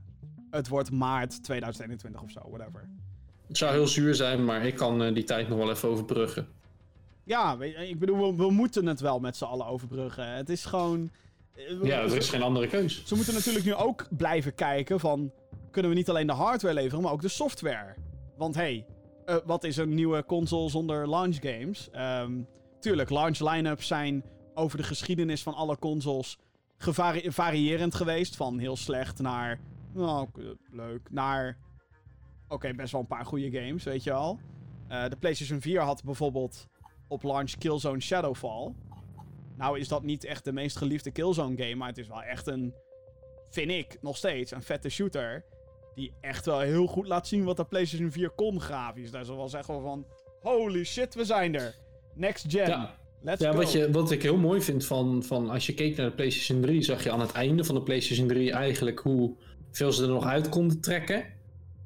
En dat kwam gewoon omdat ze toen pas een beetje bekend werden met de codering en, en de manier van hoe eh, je moest werken met, een, hè, met het development van een PlayStation 3. En bij PlayStation 4, tuurlijk, er zit wel verbetering in, maar is het natuurlijk veel gestroomlijnder allemaal. Ja, en, en dan toch- kan je inderdaad gelijk met zoiets knallen wat er zo goed uitziet. En toch merk je ook hier weer dat we tegen een, een grens aankomen van wat je uit de consoles kan trekken. Wat overigens nog steeds Ja, tuurlijk, tuurlijk. fucking indrukwekkend is. Als ik eh, nou, Resident Evil 2 en 3 remake, denk ik, holy shit, z- 60 fps? Het ziet er zo uit. What the fuck? Dit is een 7 jaar oud apparaat wat ik onder mijn televisie... Wel, 6,5. Ja, dat is heel knap. What the echt fuck, knap. gewoon. Dus wat dat betreft zijn consoles ook weer... eh, weet je, er zitten nadelen aan consoles en voordelen. Wat, wat het voordeel is van het feit dat er consoles zijn, vind ik... is dat je... dat developers creatief moeten omgaan met de middelen die ze hebben. Dat zie je ook met de Switch bijvoorbeeld, dat ze veel creatiever worden in het, het streamen van assets, het, het verbergen van ontwikkeltrucjes, om die games maar te kunnen laten draaien. Dat is natuurlijk bij consoles ook niet anders. Ehm, dus ja, wat dat betreft vind ik het alleen maar voordelen hebben eigenlijk. Maar ja, de PlayStation 5, oeh, weet het nog niet hoor. Oeh, Sony houdt zijn lippen nog eh, voorlopig stijfjes op elkaar. Alhoewel, omdat we vorige week ineens onverwachts die, die, die, die controller aangekondigd kregen zonder ook maar... Ineens was er een blogpost. Hey guys, hier is de controller. Een paar foto's, info. What the fuck? Dus voor hetzelfde geld zeggen ze ineens... Hey guys, morgen is er een eh, digitale presentatie. Yay! En dan gaan we allemaal flippen, want holy shit, PS5. Of niet? Maar dat moeten we Ik ben heel benieuwd wanneer, het, eh, wanneer ze eindelijk eh, durven hun mond open te trekken. Ja. En of ze dat eerder gaan doen dan Microsoft. Ik denk Nou, Microsoft heeft al gewonnen op dat gebied, want Ja. die hebben al veel meer laten zien. Die hebben echt al. nou, nog geen launch. Ja, Halo Infinite. Weten we al. We weten zelfs al een launch game voor de Xbox Series X. Het nadeel is voor Xbox. Niet zozeer voor ons. Maar het nadeel is, is dat hij ook naar PC en Xbox One komt. Halo Infinite. Nou, ja, goed, whatever. Wordt interessant. De next gen console war van 2020, 2021 en 2021.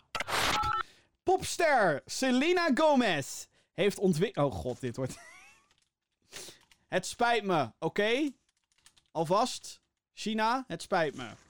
Bij deze. Popster Selena Gomez heeft ontwikkelaar Quanzu Feidong Software Technology. Technology. voor de rechter gesleept. De Chinese studio heeft in de gratis mobiele game Close Forever Styling Game namelijk een afbeelding van haar gebruikt waar ze geen recht op hebben. Het betreft hier een coverfoto van het magazine Fire. Overigens eh, bevat de app ook Taylor Swift, Kim Kardashian, Gigi Hadid en Beyoncé. Wat, waar ze natuurlijk allemaal geen fucking toestemming voor hebben. Ehm, en ook al zouden ze beweren van wel, dat zou dan bullshit zijn. Eh, Selena Gomez die eist nu 10 miljoen dollar aan schadevergoeding. En een grappig detail is, is dat haar advocaat ook in zo'n persbericht heeft gezegd van... Weet je, deze game doet aan microtransacties en ze proberen geld af te troggelen van mensen, bla bla bla bla bla.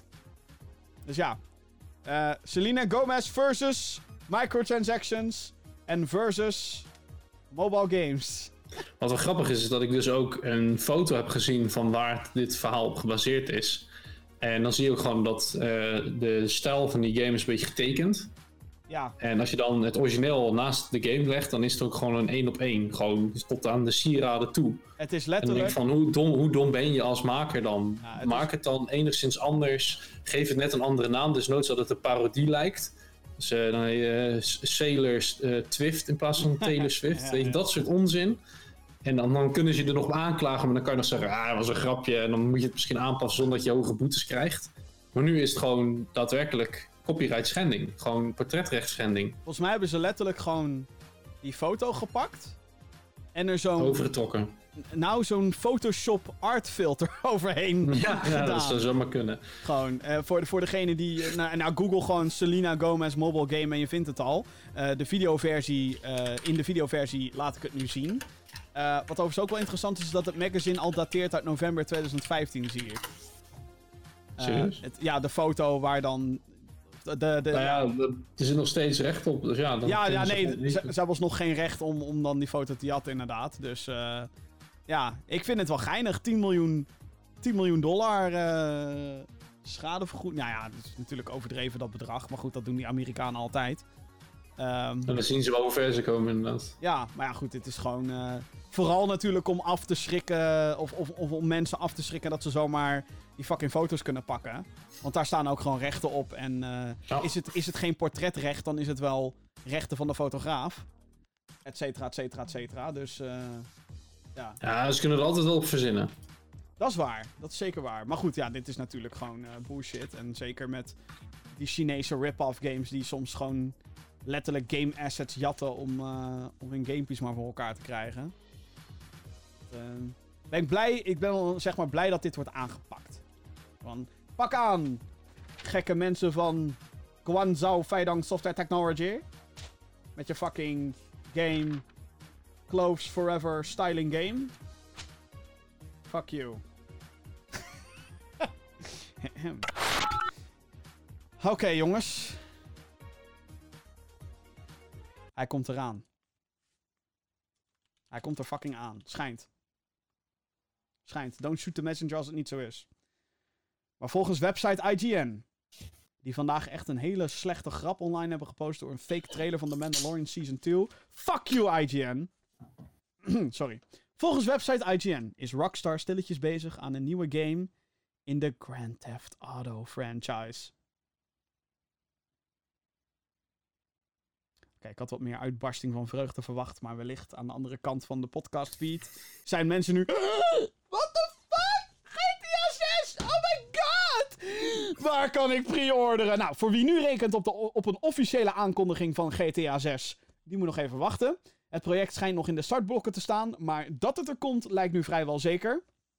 Door interne veranderingen bij de studio gaat de nieuwe GTA zich richten op een kleinere schaal, die later vergroot gaat worden door middel van content updates. De studio kwam de afgelopen paar jaar in opspraak vanwege een zogeheten crunch-cultuur. Dus overwerken totdat je erbij neervalt. Eh, wanneer we Grand Theft Auto 6 kunnen gaan verwachten, is nog niet duidelijk. Deze games hebben meestal een hele lange ontwikkeltijd. Zo zat er vijf jaar tussen Grand Theft Auto 5 en Red Dead Redemption 2. En als we die berekening aanhouden, dan verschijnt GTA 6 mogelijk pas in 2023. dus eh, voor wie nu gaat trippen en al die kutwebsites die nu gaan zeggen GTA 6 aangekondigd. Oh shit, mate. Fake news. Het is niet waar. Maar volgens een bron die het aan IGN heeft gemeld, zijn ze er dus soort van in, het, in de beginfase zijn ze ermee bezig. Wat natuurlijk fucking logisch is, want het is fucking Rockstar. Natuurlijk zit altijd een nieuwe GTA in een fucking hoofd. Ik zit nu eh, die trailer van deel 5 weer te kijken. En dan krijg ik wel weer een beetje de gevoelens voor die game. En dat had ik toen ook. Toen zag ik die trailer op, op tv of de reclame. En oh, ik wil die game, ik wil die game. Maar ik moet wachten tot die PC komt, want ik heb geen PlayStation 4. En op PlayStation 3 verdomde ik hem te kopen. en toen kwam die dus op PC en daar heb ik ook echt wel van genoten. Ik denk iets minder dan ik had gehoopt, omdat ik op PlayStation 3 eh hem op een bepaald moment mocht lenen. Volgens mij had ik hem toen van Vincent geleend. En toen eh, vond ik hem zo leuk dat ik hem inderdaad voor PC kocht. Want toen had ik geen zin meer in de singleplayer game, omdat ik op PlayStation 3 al zo ver was. Maar ik was eigenlijk op PlayStation 3 niet meer verder gegaan. Hmm. Dus achteraf is dat wel zonde. Ik denk dat dit ook zo'n game wordt die wij op onze nieuwe PC's gaan installeren. Want ook daar heb je echt gekke settings, jongen, die je kan aan- en uitzetten. Met die, de draw distance en lichteffecten en hoeveel detail. er- Het is eigenlijk fucking indrukwekkend, man, GTA 5 nog steeds. Ja. Vind ik. Op grafisch oog, eh, oogpunt en, en alles wat er omheen zit. Dus, eh, Ja, er is alleen één ding, en dat is op een moment wat ik vanuit een video van een eh, andere YouTuber uit Engel, een Engelstalige YouTuber heb gekeken. Die ging het op over de gameplay van bijvoorbeeld een Grand Theft Auto 5 en een Red Dead Redemption 2 hebben. Dat het, hè, de game is super vet, alleen dat het je heel erg eh, bij de hand beethoudt. Dus van, hè, zet nu de auto daar neer. Ga nu daar naar binnen. Ga nu via die route. En als je op een later tijdstip op zo'nzelfde locatie komt, dat je dan niet eh, bepaalde handelingen kan doen. En dat het eigenlijk eh, heel erg je vrijheid ontneemt. Dat je altijd de hulpmiddelen nodig hebt om die game te spelen, kunnen spelen. Als je bijvoorbeeld kijkt naar een Zelda Breath of the Wild, is het gewoon veel plezier. Ga hem ontdekken. Dit is de wereld, dit zijn je tools, succes. En bij GTA is het toch, hè, het, het is een open world, maar toch leidt het je zeker verhaaltechnisch heel erg via gebaande paden. En dat Ja, merk dat- ik ook in GTA 5. omdat het verhaal natuurlijk op zo'n manier geschreven is dat je. Ja, dat je wel- Tuurlijk, tuurlijk. Maar als je dan kijkt naar van die tussenmissies van zet een container op daar en sleep een auto.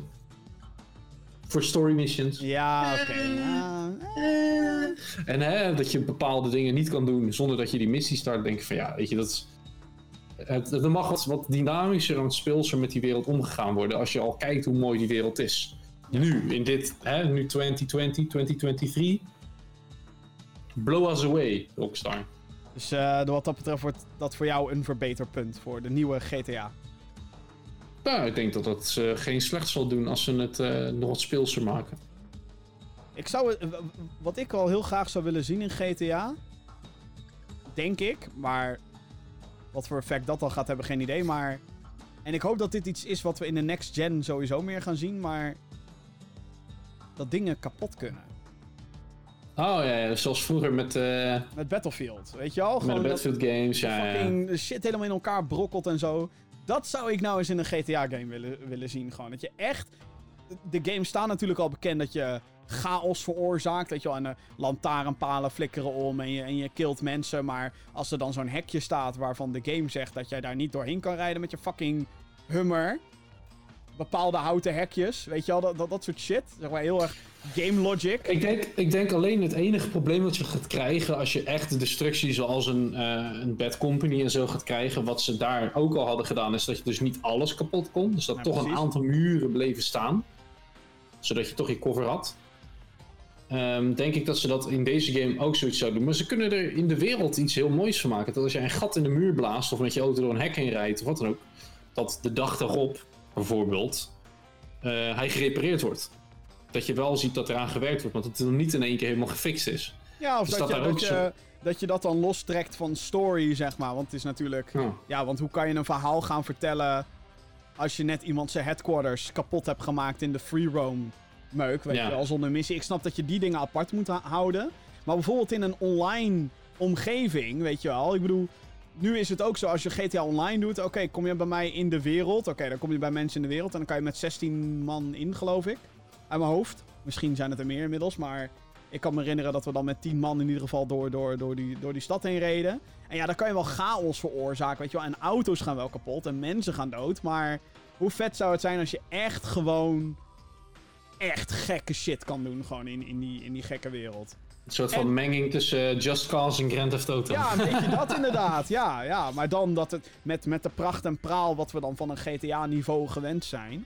Ja, precies. wat een Just Cause er een beetje laat liggen. Ja, kijk, dit, en dat zijn natuurlijk ook dingen die je bijvoorbeeld niet in een Red Dead Redemption kan doen. Ik bedoel, Red Dead Redemption heeft dan wel dynamietstaven, maar geen rocket launchers, jet fighters en weet ik wat allemaal voor gekke. Ik bedoel, GTA gaat al een beetje richting Just Cause als je in de late game komt, weet je wel. Ik bedoel, er zijn missies waar je, waar je uit een fucking parachute springt en je een fucking... Uit een parachute springt. Of eh, uit een fucking jet fighter springt, die vervolgens crasht in een gebouw en jij gewoon lalalala op je parachute. Ik denk, ook, ik denk stiekem ook dat deze game, precies wat je zegt, als ik weer eh, of alleen een nieuwe grafische kaart heb of een hele nieuwe computer weer moet installeren. Een nieuwe computer. En gewoon weer een keer een kans moet geven. En gewoon kijken of ik hem kan uitspelen. Ja, en, en, en wat ik ook wel zou willen zien in GTA, een, een nieuwe GTA, is dan een, een, een grotere online omgeving. Weet je wel, dat je gewoon, dat er een soort online mode is, dat het een soort van MMO bijna wordt. Mhm, ja, die precies. stad dus letterlijk precies. gewoon bevolkt is met honderden mensen. Nou, wat ik een probleem vond van de, de, de huidige multiplayer is dat alles wat je wilde doen in een andere lobby ging. Dus racen, ja, eh, vliegen. Ja. En daar zat soms zoveel tijd en vertraging tussen. En dan viel je er weer uit en weer gedisconnect en moest je weer opnieuw. Ja, ik vond het gewoon. Ik vond het geen leuke online omgeving of zo. Ik vond de meeste dingen me er gewoon uittrekken.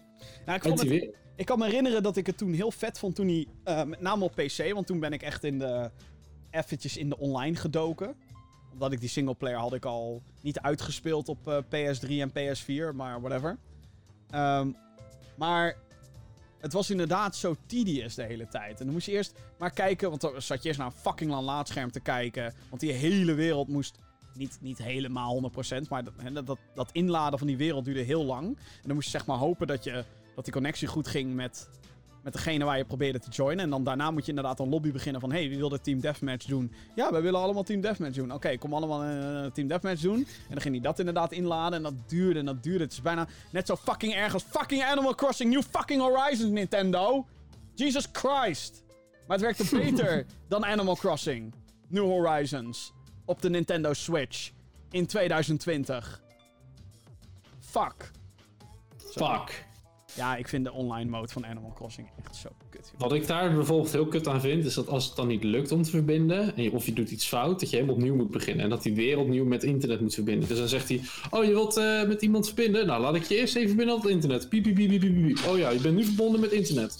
Top, oké, wat wil je doen? Ja, ik wil local. Oh shit, nee, ik wil online. Shit, ik kan niet cancelen. Oh ja, cancelen. Nou, oké, oh je bedenk je? Nou, dan eh, tot de volgende keer. Oh, jammer, oh, je wilt eh, verbinden? Nou, ga ik je eerst even met internet verbinden. En dan druk je weer iets verkeerd en dan cancel je weer. Nou, tot zo. En dan kom je weer. Nou, en dan denk ik van, En dan ben je bent eindelijk- internet verbonden. Dan ben je eindelijk op iemand zijn fucking eiland. Oké, dan ben je eindelijk op iemand zijn fucking eiland. En dan disconnect iemand. En dan moet je, moeten we met z'n allen naar een fucking laadscherm gaan kijken. Fuck Ni- Nintendo, fuck your fucking shit met fucking Animal Crossing. Fuck die shit. En de game zelf is gewoon lekker ontspannen. Maar dat? Zo. Uh-uh. Uh-uh. No way, no way, no way, no. no, no. Ahem. Uit het niets is er een nieuw deel in de XCOM-serie aangekondigd. De franchise van 2K is erg geliefd onder fans van tactical turn-based combat, want dat is het genre waar XCOM in zit. Eh, de nieuwe heet XCOM Chimera Squad en dit is een tussendeel die zich afspeelt na XCOM 2. In plaats van dat je je eigen squad aan soldaten samenstelt, die kon je ook namen geven en zo, eh, zijn er dit keer vooraf bepaalde personages die ieder hun eigen abilities hebben. En daar moet je natuurlijk omheen spelen. Wat nog opvallender is, is dat de game 24 april al uitkomt. Dus dat is in deze week op het moment van opnemen. En dat, eh, dat die tegen de helft van de prijs verkrijgbaar is. Tot 1 mei is de titel voor 10 euro te krijgen op PC. En daarna wordt die 20. Dus eh, ja, dit, dit kan twee dingen betekenen. Of hij is shit, of eh, ze zijn heel goed. eh, Dat dus. Of het is heel shit, of ze zijn heel vriendelijk en hè, eh, iedereen helpen en gezellig doen. Maar ik ben bang voor het eerste. ik had een theorie over deze game. En het is niet echt ten nadele van, van de game of zo. Want het is zeg maar overduidelijk met price point en het feit dat het uit het niets werd aangekondigd. En hey, het komt er over een week uit, motherfuckers. Hey. Ehm, ik denk, ook als ik naar de visuele stijl kijk, hè, en dit is geen. Ik bedoel dit niet negatief of zo. Of wel, whatever. je het ook Zo wel hoe je het eh, ontvangt, ja precies. Maar ik denk dat dit een game was die eigenlijk bedoeld was voor mobile. En dat ze vervolgens dachten: Weet je, dit gaat niet werken op mobiel. Hè, of het moet. Of het wordt te duur voor mobile. Want als je een game voor 5 euro verkoopt op mobiel, dan zeggen de meeste mensen al: "Eh, het is te duur. Wat ik persoonlijk bullshit vind. Want hey, een goede game is een goede game. Maar goed, whatever. Ehm, en dit soort shit vullen met microtransactions, dan wordt het niet tof meer. En ga je de brand van XCOM ga je dan beschadigen. Dus ik, ik heb zo'n idee. En het is gewoon hoe de UI in elkaar zit. En, en hoe. Ik weet niet. Ja, ik ben ook niet heel erg bekend met XCOM persoonlijk. Maar als ik gewoon als ik naar die stijl kijk en zo, denk ik van. Ik denk dat dit een mobile game is die ze hebben geconvert naar een PC-release. Die er nu wel mooi uitziet, denk ik, nu die op PC is. Want ik begrijp je verhaal, maar als ik kijk, dit, als dit op mijn mobiel had het niet zo leuk uitgezien, denk ik. Iets nee, dan minder. had, het- had het waarschijnlijk wat cartoonier en wat minder gedetailleerd. Maar, Maar ik begrijp, je, ik begrijp je punt, ja. maar dit, is, dit is trouwens allemaal. eh hoe heet het? Eh, noem je dat van mij? Een, suggestie, een, eh, een eh, Een theorie. plot. Ja, het is een dit- dit- plottheorie. dit, is, dit is niet echt confirmed of zo. Maar dit, dit is. Nee, nee, zijn- nee. Maar ik begrijp, ik begrijp waar je heen gaat, ja. Of waar je vandaan komt. Ja, maar ja, goed. Ja, wel eh, zeker tof voor de fans van die franchise, denk ik. En dat zijn er trouwens een hele hoop. Ik bedoel, eh, eh, toen XCOM 2 uitkwam, was het echt zo'n bestseller op Steam. Eh 2K heeft meer van dat soort games. Denk bijvoorbeeld aan Civilization. dat is ook fucking populair. Terwijl je zou denken dat het heel niche is. Maar ja, ik vond het wel grappig dat dit ineens uit het niets werd aangekondigd en dat het er is. Maar jij bent geen XCOM eh, guy ook. Nee, nee. Nee, oké. Duidelijk. Nou, hou het erbij. PlayStation heeft een nieuw initiatief in het leven geroepen. Dit heet eh, Play at Home. Want hey, dat is eh, wat we eigenlijk sowieso al heel vaak doen. Maar nu nog meer vanwege de, hè, het gebeuren. Het houdt in principe in dat ze gratis games weggeven om als afleiding te dienen voor de wereldwijde crisis. De games die ze schenken zijn ook niet de minste. Het gaat hier om Uncharted, The Nathan Drake Collection en Journey. Deze twee titels kan je gratis claimen van 15 april tot 5 mei. Dus op het moment van opnemen kan je ze al claimen. Eh, ook na deze periode kan je ze trouwens gewoon spelen. Als je ze geclaimd hebt of toegevoegd aan je bibliotheek. Of hoe je dit dan ook wil noemen. Dus ik zou zeggen, ga dat doen. Of het Play at, eh, eh, of het Play at Home programma nog meer titels gaat bevatten. Hangt waarschijnlijk af van de status van de wereldwijde pandemie. Als het eenmaal mei wordt en is. En eh, ja, dat. Dus eh, ga naar je Ja, goed, Play... dat ik, ja, goed dat ik dat weet. Die moet ik gelijk even binnenhalen. Want welke games zitten allemaal bij die collectie van eh, Nathan Drake? Dat is eh, Uncharted 1, 2, 3, de singleplayers. 2 en 3 Wow. hadden namelijk ook een multiplayer. Maar ja, nee, dat is echt wel. Dat is niet. eh, dat is geen kattenpis. nee, Uncharted is een fucking goede trilogy aan actiegames, jongens. Nou ja, het mooie is, ik heb dus 1 en 2 gespeeld. 1, volgens mij echt 100% zelfs. Heb ik zelfs alle, of was ik in ieder geval onderweg om alles te halen. Jezus. Eh, en 2 had ik alleen het verhaal uitgespeeld. En 3 nog niet. En 4 ook nog niet.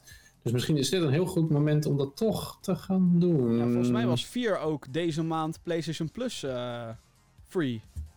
Gratis voor PlayStation Plus leden. Dan ga ik dat ook gelijk eens even uitzoeken. Dus 4 Uncharted Dat, eh, games. Dat is wel even een mooie deal dan. ja. Oh ja, inderdaad.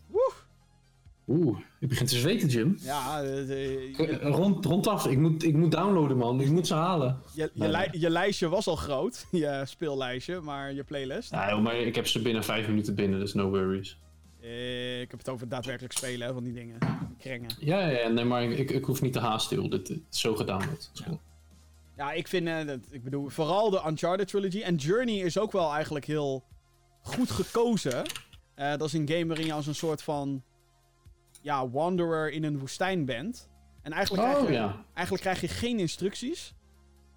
En die game verbindt jou, zonder het expliciet te zeggen, met een andere speler.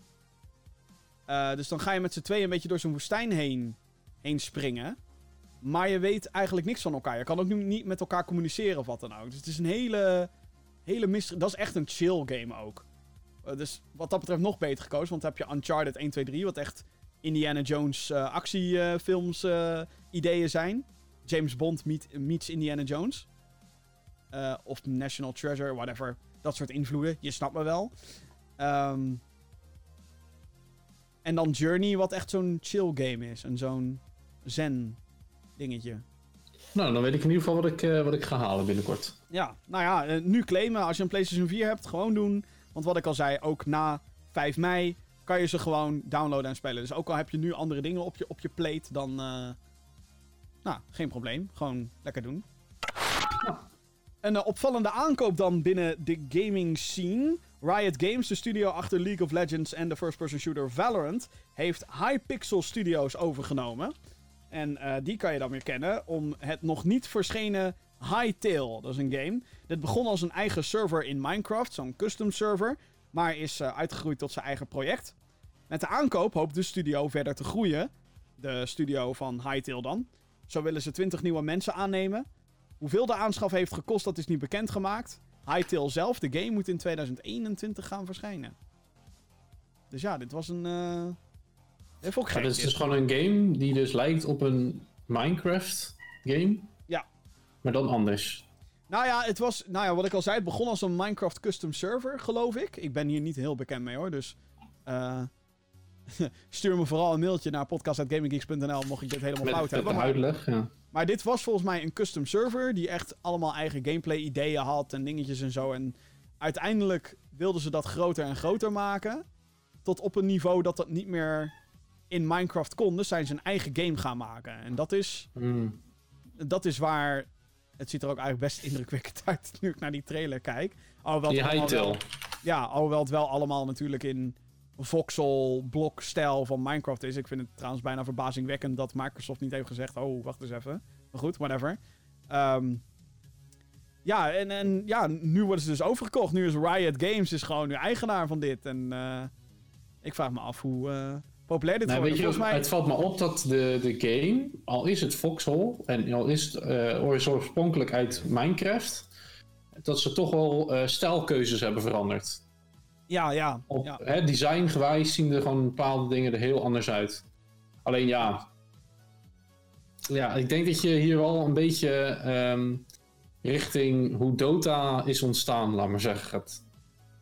Ja, precies. Ja, Dota was eerst natuurlijk ook een custom mode in Warcraft 3. En dat werd daarna ook volledig zijn eigen ding.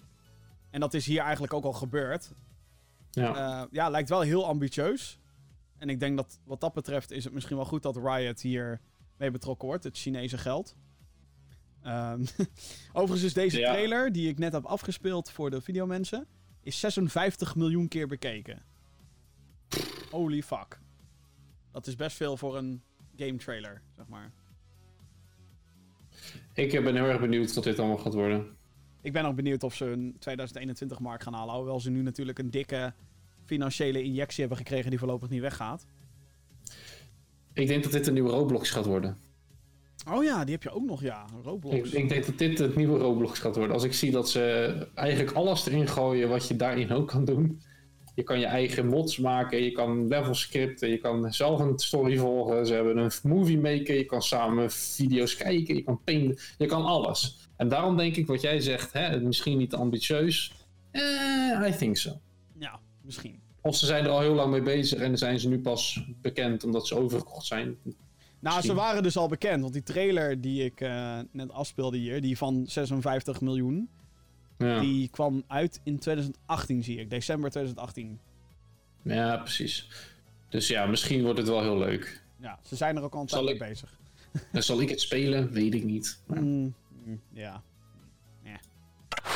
Maar wel interessant in ieder geval dat Riot weer uitbreidt. De oorspronkelijke maker van League of Legends dan. Uiteraard.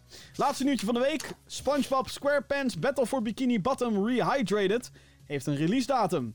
De 3D-platformer, wat een remake van een PlayStation 2-titel is, gaat eh, op 23 juni verschijnen. De game is al een tijdje in ontwikkeling bij Purple Lamp Studios. De game komt uit op PC, PlayStation 4, Xbox One en de Nintendo Switch. Er zijn meerdere titels van uitgever THQ Nordic die nog een datum moeten krijgen. Zo is het ook al een tijdje stil rondom Destroy All Humans en Biomutant. SpongeBob SquarePants Battle for Bikini Bottom Rehydrated krijgt ook een Collector's Edition. De Shiny Edition kost 150 euro en bevat naast de game sokken, een beeldje van SpongeBob, muurstickers en artprints. Er is ook een Fun Edition van 300 euro met al het Van. ja, inderdaad. Voor, voor, hun- voor hun bankrekening, denk ik. Zo, Ehm, tering. 300 euro dus, met al het voorafgenoemde, maar ook beeldjes van Patrick en de Sandy. En een extra set sleutelhangers. Gek genoeg heeft THQ Nordic geen release datum, maar wel de Collector's Edition uit de doeken gedaan voor Cowboy RPG Desperados 3.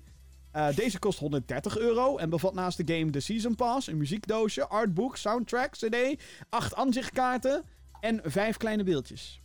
Dus dat is een beetje een THQ update, update, update, update. Maar ja, ik ben wel blij. De reden waarom ik dit eh, heb meegenomen, je zou denken, Jim, what the fuck, SpongeBob, really? Maar ehm, de reden waarom is omdat THQ Nordic had allerlei games gepland dus voor 2020. Waaronder Desperados 3. Waaronder Destroy Humans, Biomutant, etc. Maar nog van niks wisten we een fucking datum. En nu dus wel. 23 juni SpongeBob. Dit schijnt echt een soort favorietje te zijn voor mensen die klaarblijkelijk jonger zijn dan ik. En die helemaal into SpongeBob waren. ja, de eerste seizoen van SpongeBob in de zin van, dat zag ik wel op tv. En dat vond ik wel geinig op, wat was het, Comedy Central of zo? Of eh, Nickelodeon ik. Nickelodeon geloof ik, ja. En dat vond ik best geinig. Maar ik heb de games nooit gespeeld. Nee, dit schijnt En- zeg maar een beetje de game te zijn die op dat perfecte moment voor mensen uitkwam en zo.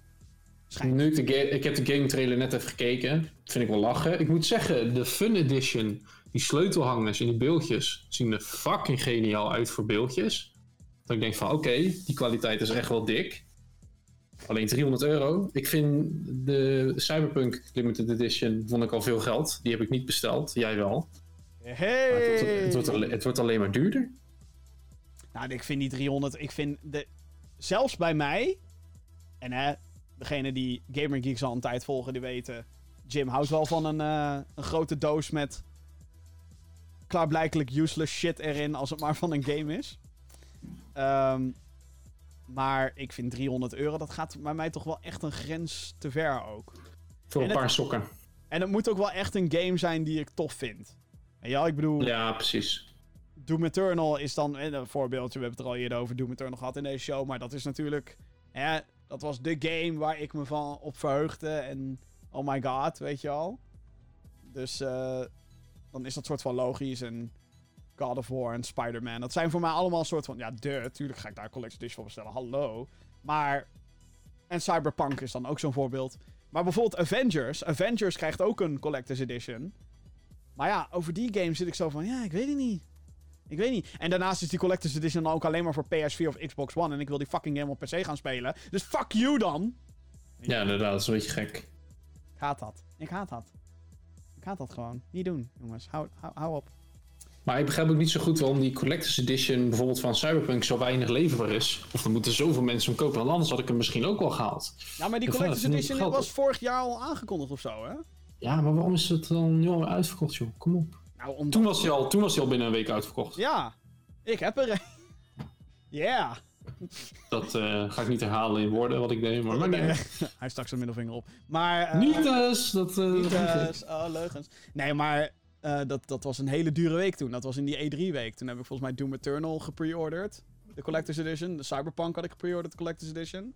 En volgens mij nog Ja, ik moet wel eerlijk zeggen dat ik niet zo van de ehm Collector's Editions meer ben. De laatste die ik had was dan Bioshock 2. Mm, mooie. Ehm, Die heb ik met ook. zijn LP en zo, dat is heel vet. Alleen de prijzen zijn tegenwoordig zo hoog. En het beeldje van Cyberpunk, of de beeldjes die jij toen laatst doorstuurde, vind ik zelf niet zo heel mooi. Ik weet even niet meer hoe die er van de Limited Edition De van- Collector's Edition is volgens mij die, die guy, de mannelijke V, dus het hoofdpersonage waar mee speelt, op zo'n motor. Dat is wel vet. Ja, die was volgens mij wel echt heel vet.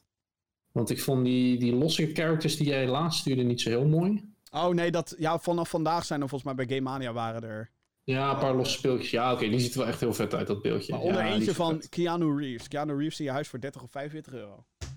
Ja, ja dat, eh, leuk. Maar als je dan kijkt bijvoorbeeld naar een winkel, eh, ik weet niet of ik het nou mag noemen, waar bijvoorbeeld ook mijn Rainer vandaan komt, als je hem nog kan herinneren. Raynor. Ja, ja, ja. Ja, ja, ja. Dat is echt high die quality winkel shit. maakt van allemaal soorten eh franchises maken die action figures of beeldjes of bustes of wat dan ook, zelfs life size. En daar hebben ze dus ook een aantal cyberpunk figurines. Zijn wel echt veel duurder. Echt, reken maar 200, 300 euro. Maar die zien er wel echt zoveel beter uit dan die losse figurines op Game Mania. Ik denk van ja, dan, zoiets zou ik dan wel vet vinden. Als daar een Johnny figure van zou komen. Ja. Die gaat er Maar oké, ik ook- deze, deze Collector's Edition, nu ik hem weer zo zie, als er eh, nog eentje leverbaar was, had ik misschien gezegd van... eh, eh. Ja. Het nadeel is dat hij op bol.com nog wel beschikbaar is, maar alleen voor PlayStation. Dan denk ik van, maar ik wil hem voor PC. Yep. Yep. Yep. Ja, er zijn dus mensen die gek genoeg zijn om Collector's Edition te kopen van een game waar ze helemaal dol op zijn, maar dan voor een platform die ze niet eens hebben.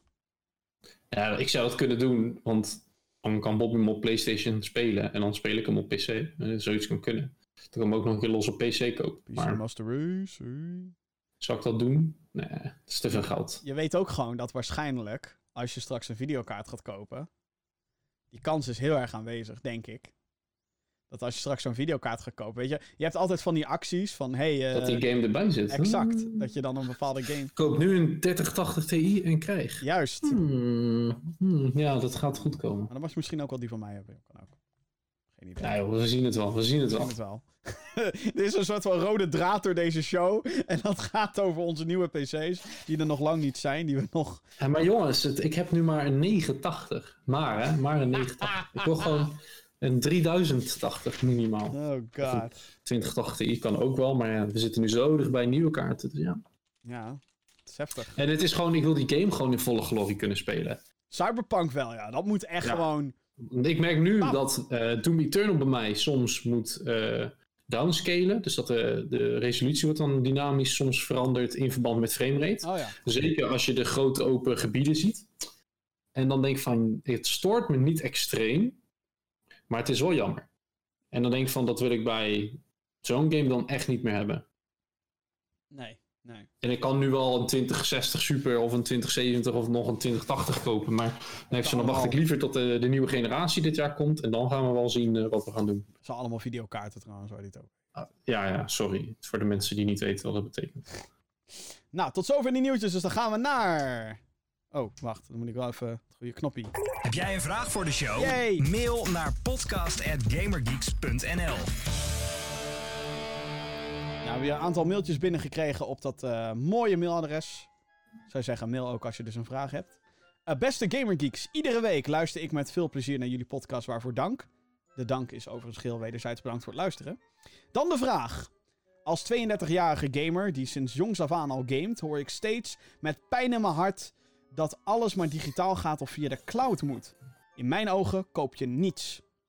Denken jullie dat, eh, denken jullie, net als ik, dat de toekomst vooral zit in ondernemingen zoals limited run games of super rare games, die gelimiteerd fysieke versies van een game blijven uitbrengen?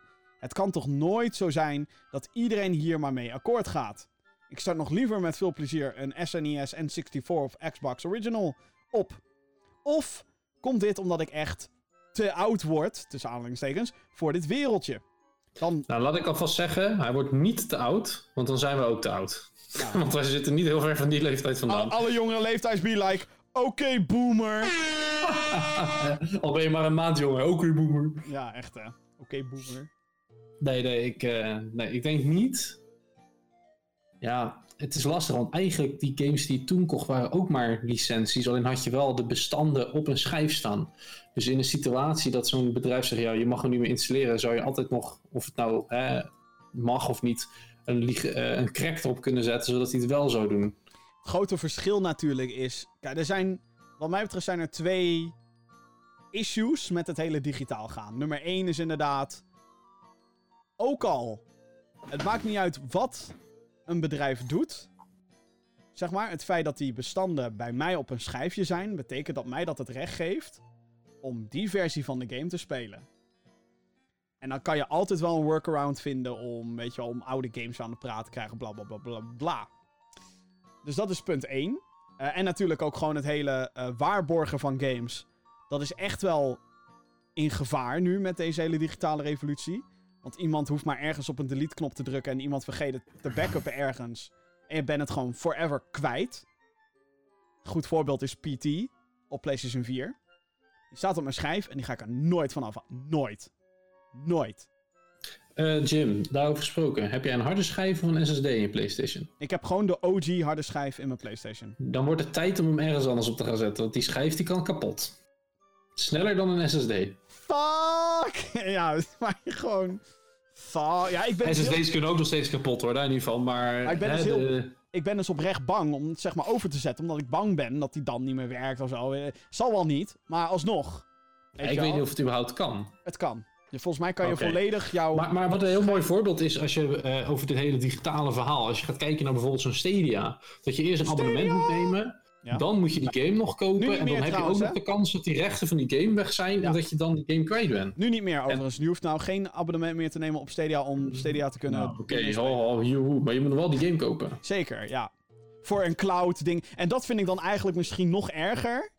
Voor een cloud dingetje wat niet eens gedownload wordt, dan nu staan bestanden nog soort van op mijn PC. Als ik een game. Ja, zo qua speelbaarheid vind ik het fijner om gewoon alles lokaal te hebben en vanaf mijn hardware te draaien, niet vanaf iemand anders hardware. Waardoor je dus eigenlijk nooit weet van loopt de game nou slecht door wat, waar ligt het aan? Je weet, nou whatever. Anyway, ehm zit de toekomst in ondernemingen zoals Limited Run of Super Rare Games? Kijk, de naam, het zit al in de naam helaas. Het is Limited Run en Super Rare. Dus ze gaan er natuurlijk vanuit dat de dingen die ze op Limited Run... eh, eh, Dat zijn zeg maar websites of retailers. En die brengen fysieke versies uit van games die normaal alleen digitaal zijn. Dus eh, heel vaak zijn het indie releases. Waar zijn dan een gelimiteerde duizend kopies van Blasphemous bijvoorbeeld. Fucking vet spel is dat. Hadden ze ook een collector's edition van. Zo ver gaan ze dan ook vaak meteen. En dat is heel vet. Alleen, je moet natuurlijk ook wel... eh, en daarom zit ik in een soort tweestrijd. Kijk, aan de ene kant vind ik fysiek ook heel tof. Weet je wel, als ik een game koop voor 60 euro... denk ik ook wel van... Nou, dan wil ik op zijn minst een fucking hoesje hebben. Hallo. Ehm, maar ja, aan de ene kant ben ik dan ook weer beledigd. Want het enige wat je nu letterlijk krijgt in die fucking hoesjes... is een disc. Of een downloadcode. En dat is het. Ja. Ja. Weet je al? Geen instruction manual. Geen gekke lore shit. Geen...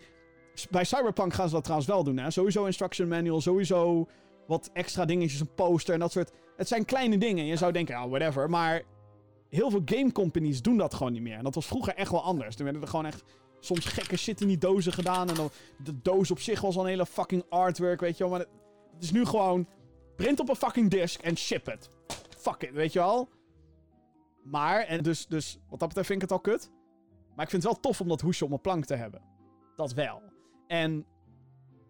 ehm, maar ja, aan de andere kant, en dit is zeg maar het voordeel van digitaal.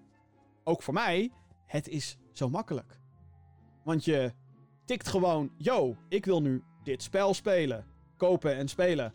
Oké, klik, klik, klik. Je betalen of whatever. Downloaden en je kan het spelen. Niet Ja, het enige nadeel wat ik ermee heb, wat jij nu uitlegt, is het feit dat je zoveel verschillende stores nu hebt. Mhm. Dat vind ik echt een nadeel. Als je, hè, de, de ene game is bij Epic, de andere game is bij Steam, de andere game ook bij Origin, de andere game ook bij Battle.net. Toen Steam nog enigszins de enige was, tuurlijk, dan krijg je weer en dat is ook een kut. Maar ik had gewoon alles op één plek. En nu was het ook, weer, oh ja, oh eh, Jeroen, kom, we gaan even dat spelen. Oh ja, maar ik heb hem op, eh, op eh, Bethesda eh, browser. Oh shit, ik heb hem op Steam. Fuck. Oh, zie ik jou nu in mijn vriendenlijst? Nee, nee, maar ik kan je wel uitnodigen. Huh, hoe dan? Ja, moeilijk, moeilijk, moeilijk. Ja, dan denk ik van... Dat. Maar dat neemt niet weg dat als je Doom Eternal wil spelen, ongeacht op welke winkel, Het kan wel. dat je meteen zegt, yo, ik wil dit nu spelen, punt, hier, download, hoppakee, gaan.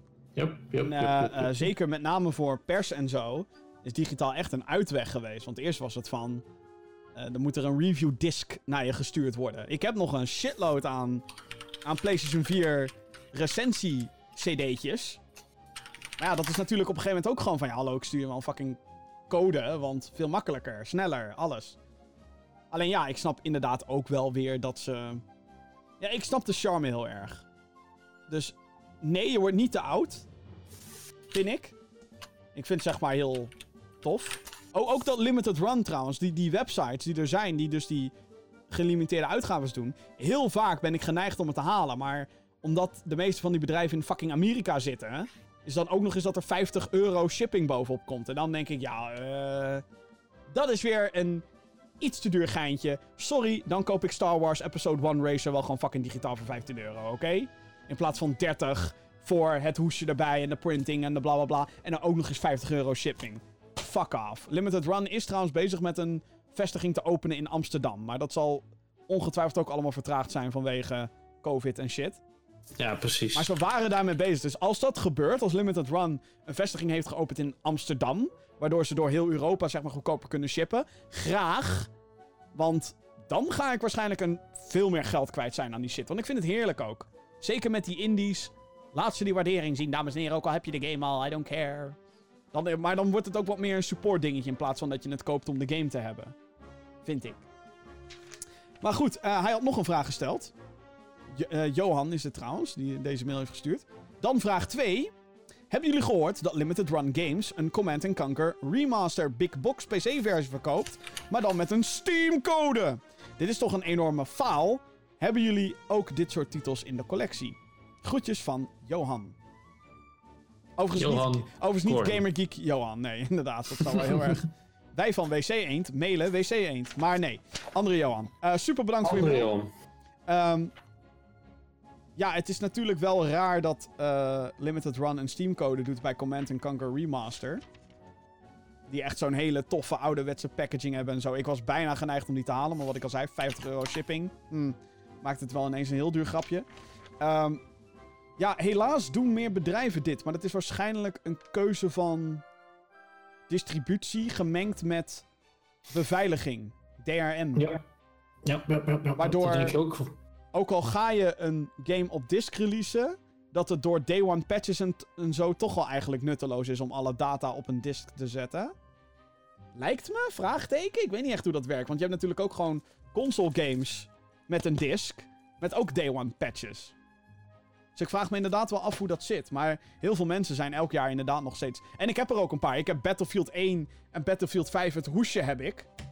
Ik heb er geen tering aan, want het staat gewoon gekoppeld aan mijn Origin. En er zit niet eens een fucking disk in. Het is gewoon, ja, ik heb het hoesje. Jee. Ja, dat is tegenwoordig gewoon heel klote. Ik kan me nog herinneren dat je een keer een hoesje kreeg waar dan een kartonnetje in zat in de vorm van een cd. Nou, dat was nu ook bij mijn Doom Eternal Collector's Edition. Krijg je zo'n je vette, van, vette steelbook krijg je dan. En ja, daar zit dan een, een, een flapje in met daarop inderdaad een code. Hier, download maar, eh, vriend. ik vind dat zo raar. Ik vind het echt heel raar. Nou, kijk, aan de ene kant... De, de, de reden waarom ze dat dan vaak nog op retail release is natuurlijk de zichtbaarheid in de winkels. Als je dan bij zo'n mediamarkt loopt, oh shit, Battlefield. Kopen. En dat je dan een downloadcode krijgt, is wel zo van, hè, maar ja. Ja. En je moet er dan, dan trouwens ook vanuit gaan, zeker met PC-games, dat heel veel PC's tegenwoordig niet standaard een disk drive meer hebben. Dus in dat opzicht snap ik het ergens ook. Ja, ja, Zeker als dat dan. Want wat ga je dan doen? Ga je dan en een disk doen, maar dan met een code? Of alleen de code? Dus dan of je print die disk voor. Ja, het is, het is een beetje. Eigenlijk is hier geen goed antwoord op. Eigenlijk kan ik hier zelf niet eens een eenzijdige mening over hebben. Want alles wat ik zeg heeft een nadeel, vind ik. Vanuit mijn perspectief. Dus ja, discs moet je doen. Maar aan de andere kant, wat is het punt? Maar aan de andere kant, hé, hey, je gaat een, een ouderwetse PC big box release doen van Command Conquer. Tuurlijk moet daar een CD bij, weet je wel. Maar ja, goed. Nou, er zitten beide kanten aan het verhaal, denk ik. Ja, het is, gewoon, het is gewoon heel lastig. Kijk, aan de ene kant ook zo van doe een CD en een code, maar dan kost het ook weer meer geld. En ja, kijk, tegenwoordig alles is onder eh, ja, license. Dus op het moment, hè, Netflix heeft zijn licenties en, en Amazon Prime heeft licenties, behalve zijn eigen shows. Was ook, nee, dat is ook niet waar. Zelfs daar zitten licenties op. Zelfs daar zitten andere mensen die ook nog rechten hebben erover. Dus die moeten ze ook nog gaan indekken. En met games is dat idem dito. Dus het is zo lastig om dat nog op de huidige manier of op de oude manier te doen met cd's. Nou ja, er, ko- er moet gewoon een moment gaan komen. Dat er. Kijk, want er zijn natuurlijk games die je vroeger gekocht kan hebben. En die dan na een aantal jaar offline gaan. En daardoor niet meer te spelen zijn. Dus dan, denk dan aan MMO's die niet meer bestaan. Die offline zijn gehaald. Eh, die kan je niet meer spelen, punt. Zeg maar. Ook al koop je nu nog een disc. En ook al heb je vroeger dat geld erin gestoken, kan het niet meer spelen. Dat is kut. Eh, alleen, we hebben dat geaccepteerd inmiddels. Wel, oké, game gefaald. Servers moeten offline. Het is gewoon geen andere manier om te spelen. Dat is kut. Ehm, ik denk dat als wij willen dat fysiek weer een comeback maakt, of in ieder geval weer relevant wordt, dan moet er zeg maar zo'n major fuck-up komen. Maar echt een major fuck-up. Waardoor een bedrijf heel veel geld verliest. En andere bedrijven daar potentieel ook heel veel geld aan kunnen verliezen. Ja. En de eerste fuck-up die ik zou zien gebeuren is, sorry Google, Stadia. Gewoon, als je nu een, een game op Stadia, kost je dat 60 fucking euro. In sommige gevallen zelfs meer. Assassin's Creed Odyssey is 70 euro op Stadia, what the fuck.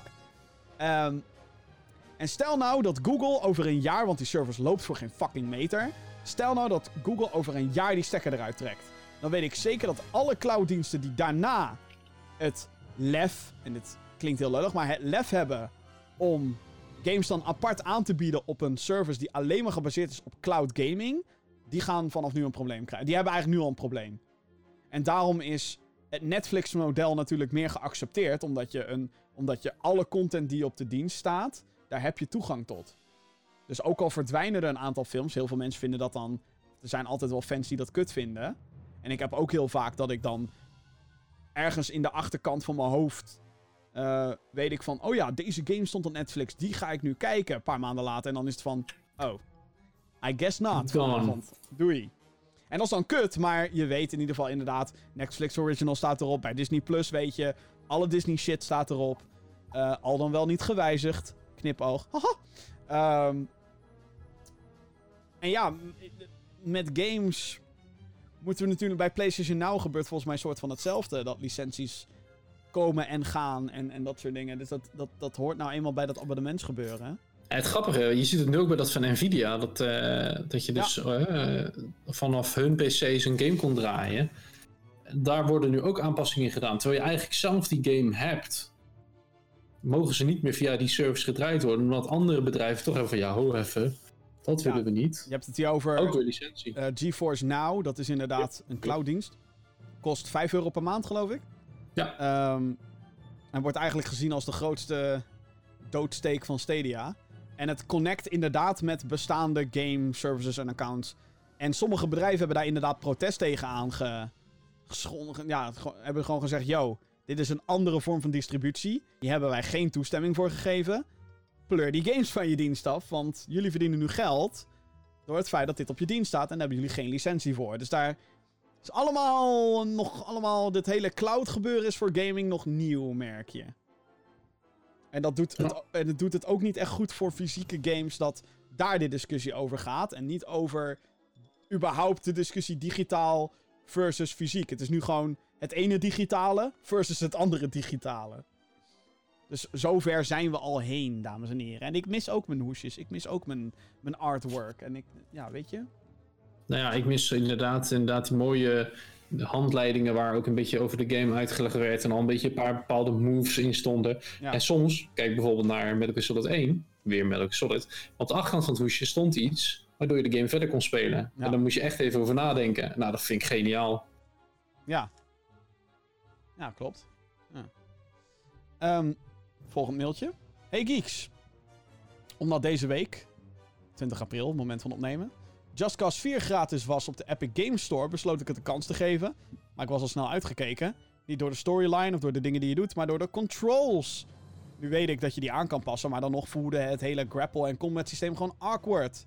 Echt niks voelde alsof het vloeiend verliep. Nu is mijn vraag, welke game die jullie hebben gespeeld had de slechtste controls? Zo, tering. Daar vraag je me wat. Heb jij er eentje al in je hoofd? Nee.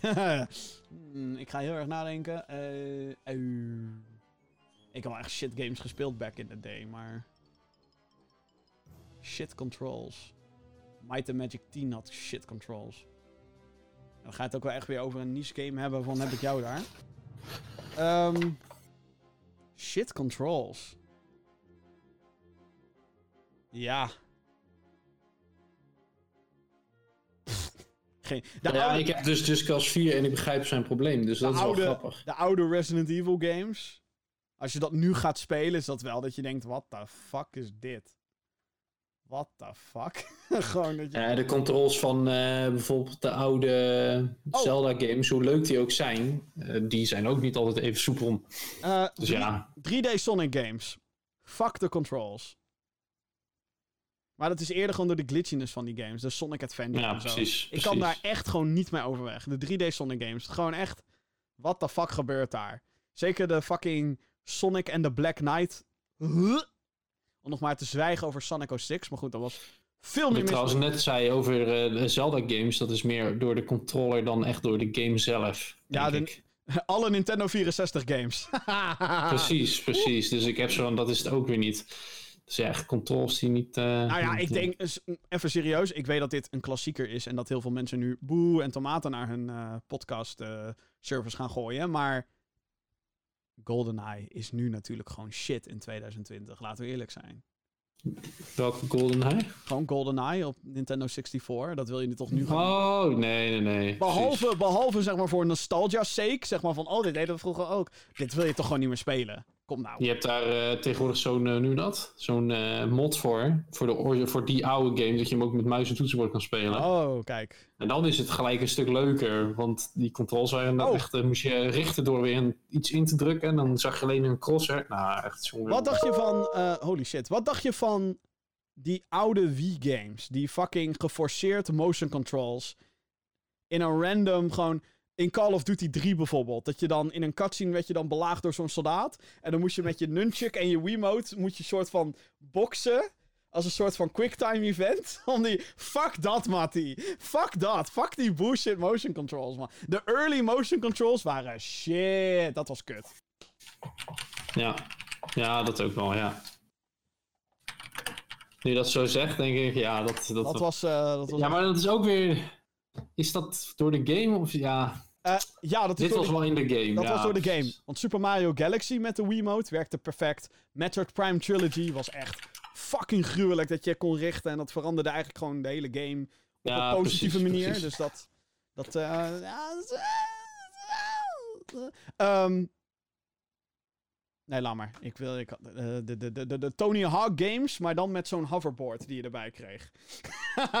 dat waren shit controls, Matty. Ik heb het één keer geprobeerd. Nooit meer, voor de rest van mijn leven niet. Ik ben best wel grote... To- Tony Hawk's Pro Skater HD en Tony Hawk Pro Skater 5. Kut games, kut controls! Ja, ik heb ze niet gespeeld, maar ja, ik heb jou daarover gehoord, dus dat geloof ik. Maar ik kan me niet echt... eh, meestal als games echt zulke slechte controls hebben, dan is de game zelf ook waarschijnlijk meestal heel slecht. Ja. Dus ja, laat maar zitten. En dat grappige met die Just Cause eh 4, ik heb, of het was 2, het was 3. Ik zit heel erg te twijfelen welke ik wel eh, toen een keer helemaal kapot gespeeld heb. Ik denk, denk. 2. Oh. Nee, ik denk 2. Nevermind. Dat is best wel lang geleden. Ja, ja, deel 2 heb ik helemaal kapot gespeeld. En daar heb ik echt van genoten. Maar als ik dan kijk nu, ik heb nu even snel een filmpje tevoorschijn getoverd van deel 2. Dan vind ik deel 4 er eigenlijk hetzelfde uitzien als deel 2. En dat is best wel bad natuurlijk. Tuurlijk, er zijn wel verschillen, maar weet je, zoveel mooier is deel 4 niet. Voor dit tijdperk. Voor, voor, want de game komt uit 2000, eind 2018 of zo. Dan denk ik zo van, nou, dat, eh, dat kan wel beter. En dan, ja, slechte controls, niet mooi. Story en, en dat soort dingen pakken me ook niet meer zo erg. Weet je, we zijn gewoon verwend tegenwoordig, Jim. Nou, er zijn ook Precies wat je natuurlijk... zegt. Resident Evil is het ook niet meer van vroeger. Maar de remakes, ah, die zijn wel vet. We zijn gewoon verwende kleggengen. Dat zijn we Nou, het is gewoon... We gaan op een gegeven moment gaan we vooruit. Zeg maar. En dat wordt dan een standaard. En dan is het daarna eigenlijk heel lastig om terug te gaan. En dan is het ook heel lastig om te bedenken hoe kut sommige dingen eigenlijk waren. Want ik zit nu echt gewoon... Ik probeer echt gewoon een specifieke game van vroeger. Probeer ik gewoon nu voor de geest te halen die, waar ik echt gewoon zat. Wat een kutbesturing gewoon. En die zijn er ongetwijfeld. Ongetwijfeld. Maar je gaat je vaak al... Ja, meestal verdringt dat soort experiences of zo. Ik weet niet. Ja, maar dat is het. Meestal als de controls zo slecht zijn dat je het onthoudt, dan is de rest van de game ook kut. Ja, Maar als de game zelf goed is en alleen de controls zo hier en daar een beetje klanky, dan vergeet je dat. Want dan heb je gewoon genoten van de game zelf. Dus ik, ja, heb ik nu echt een game in mijn hoofd? Nee. laten we ook heel eerlijk zijn, dames en heren. Dan ga ik weer even een controversieel voorbeeld noemen. Maar dit is ook weer van, kijk hoe ver we zijn inmiddels. Maar de eerste Super Mario Brothers op de NES. Eh. En de Super Mario 64. Eh. Eh. Dat is toch tegenwoordig wel allemaal wat, wat smoother en wat beter reagerend en zo op hoe je dat indrukt. Maar dat is nogmaals weer dat perspectief van dat. Goed, eh, Noah die heeft gemaild. Goedenavond Jim en Jeroen. Ik vroeg me enorm af of jullie Fallout... Oh god, dames en heren.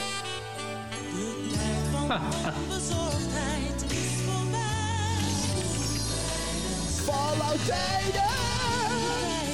Slechte tijden, een dag die als een nacht verschijnt.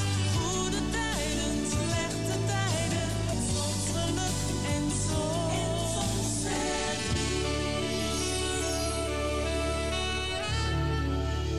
Ik vroeg me enorm af of jullie Fallout 76 hebben aangeraakt na de nieuwe update. Ja, is het in jullie ogen een significante stap vooruit? Of valt een update als dit compleet in het niets door de blijvende pijnlijke gevolgen van dat 100 euro abonnement? Het gaat hier over de Wastelanders update. Dat is een eh, update in Fallout 76 die nu NPC's toevoegt en daadwerkelijke story to- content. En het schijnt ook wat bugfixes her en der te hebben en nieuwe bugs geïntroduceerd te hebben. Goh, verrassing. Want NPC's. Die glitchen natuurlijk in elke fucking Bethesda game. Ehm, ik, heb, eh, ik denk dat wij beide niet gespeeld hebben. Nee, we hebben beide Nope. de game niet. Want fuck Fallout 76. Eh, Fallout 76 vond ik echt niet zo heel leuk. Ik vond de sfeer wel weer leuk in de zin van de, de, de, de vormgeving. Dus als je eh, je level omhoog ging en weet je waarom? Omdat zag. het, omdat het letterlijk gecopy-paste was uit, uit Fallout 4. Dus dat- Ja, precies. Voor de rest. En da- da- dat vind ik ook zo dom van deze update. Dan geef je dus eigenlijk als studio aan dat je daar toch knijterhard naast zat. Ze zeggen altijd, ja, de wens van de game. Nee, je hebt gewoon een kutproduct afgeleverd en je probeert het nu nog enigszins te redden. Wat ik heel grappig vind is dat er nu dus eh, heel veel mensen zijn die nu de game verdedigen. Zo van, ja, maar het is nu leuk en bla bla bla. Punt blijft, bij launch was het fucking shit. En ik denk dat het nog steeds niet een goede game is of zo. Ja, het is beter dan toen waarschijnlijk. I don't know. Maar wat Noah hier ook al zegt. Ze hebben ook een fucking subscription. Die 100 euro per jaar kost. Zodat je... Ja, dan krijg je zo'n van privé-server of zo. Dan kan je in private worlds gaan, en wat een fucking standaard functie zou moeten zijn in deze game. En ook nog eens items waardoor je veel sneller progressed en veel dingen makkelijker zijn, zeg maar. Minder tedious. Fuck you, Bethesda. Waarom vraag je daar 100 euro per jaar voor? Als je, als je na dat jaar zegt... Yo man, ik ga echt niet nog een keer 100 euro... naast de 60 euro of nu 40 euro... die al in de game hebt gestoken... Ja, nee, dan krijg je die privileges niet meer. Fuck you, Bethesda. Fucking greedy shit, man. Pleur toch op, joh. Fuck off. Ja, en het mooie is, je kreeg dan iets erbij, een soort van opslag. En die frat ook gewoon je shit op. Dan was je gewoon Ja, je, dat je was, gear ook een, kwijt. dat was ook een bug, ja. De storage box die, die al je items verdwenen. Dat was ook 100 euro per jaar voor dat soort shit. Maar hoe, hoe dan? 100. Ja, ze ik- hebben de... En dan zijn er nu dus mensen die deze game gaan verdedigen terwijl ze dit soort shit poelen. Fuck you, Bethesda. Blijf alsjeblieft van Doom Eternal af. Blijf af. Oké, ik weet trouwens Gelukkig dat... ze daar ook nog niks mee. Nou ja, er komt wel DLC aan. Weet ik. Oeh. Maar ik hoop dat dat dan significant goede DLC wordt. Hoop ik. Ehm, maar ja, fuck, fuck Fallout 76. Nog steeds. Echt waar. Yep. Dat, dat is wat wij denken. Niet gespeeld, maar dat is onze conclusie. Wel zonde, want ik vind die, die, die- ik vind die franchise gewoon heel leuk. Ja, ja, Bethesda fucked up. They really, Ja. they really fucked it up. Mailbox minigame. Oké, gaan we nog even snel door een mailbox minigame van Ole. En het wordt weer, eh, ik weet niet of je dit eh, eh, hebt meegekregen, maar de laatste paar weken krijgen wij dus game tunes doorgestuurd. En dan moeten we kiezen tussen twee. Oh, Ik heb dit mailtje ook nog niet, nog niet geopend, dus ik heb geen idee. Wat voor, er staan linkjes bij, dus dat is heel, dat is heel leuk. oh nee. Geen idee. Dus, zijn we klaar voor nummer 1. vraag 1. Weer twee keuzes dus. Dit is eh, de eerste keuze die we hebben. Oh, moet ik wel even het geluid aanzetten? Wacht even, wacht even, wacht even. Oh! Kamman denkt, wat de fuck is dit? Hij komt me wel bekend voor, maar ik, ik herken het even niet. Dit is Harry Potter. En de, Serieus? en de Philosopher's Stone. De Hogwarts theme van de eerste game. Van de PlayStation fuck. 1. Ook, ja. Ook op PC. Ik had dit eh, op PC gespeeld, maar... eh, daar zat volgens mij dezelfde muziek in. In de PlayStation 1 en de PC-versie. Oké, ja, ja. Oh.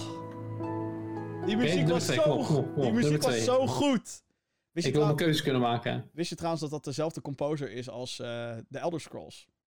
Oh, ja, dat hoor je er wel in. Nou, Jer- Jeremy Soul heet die guy. Oké, tweede. Ja. Oh. Dit is eh, de title theme van Harry Potter and the Chamber of Secrets game.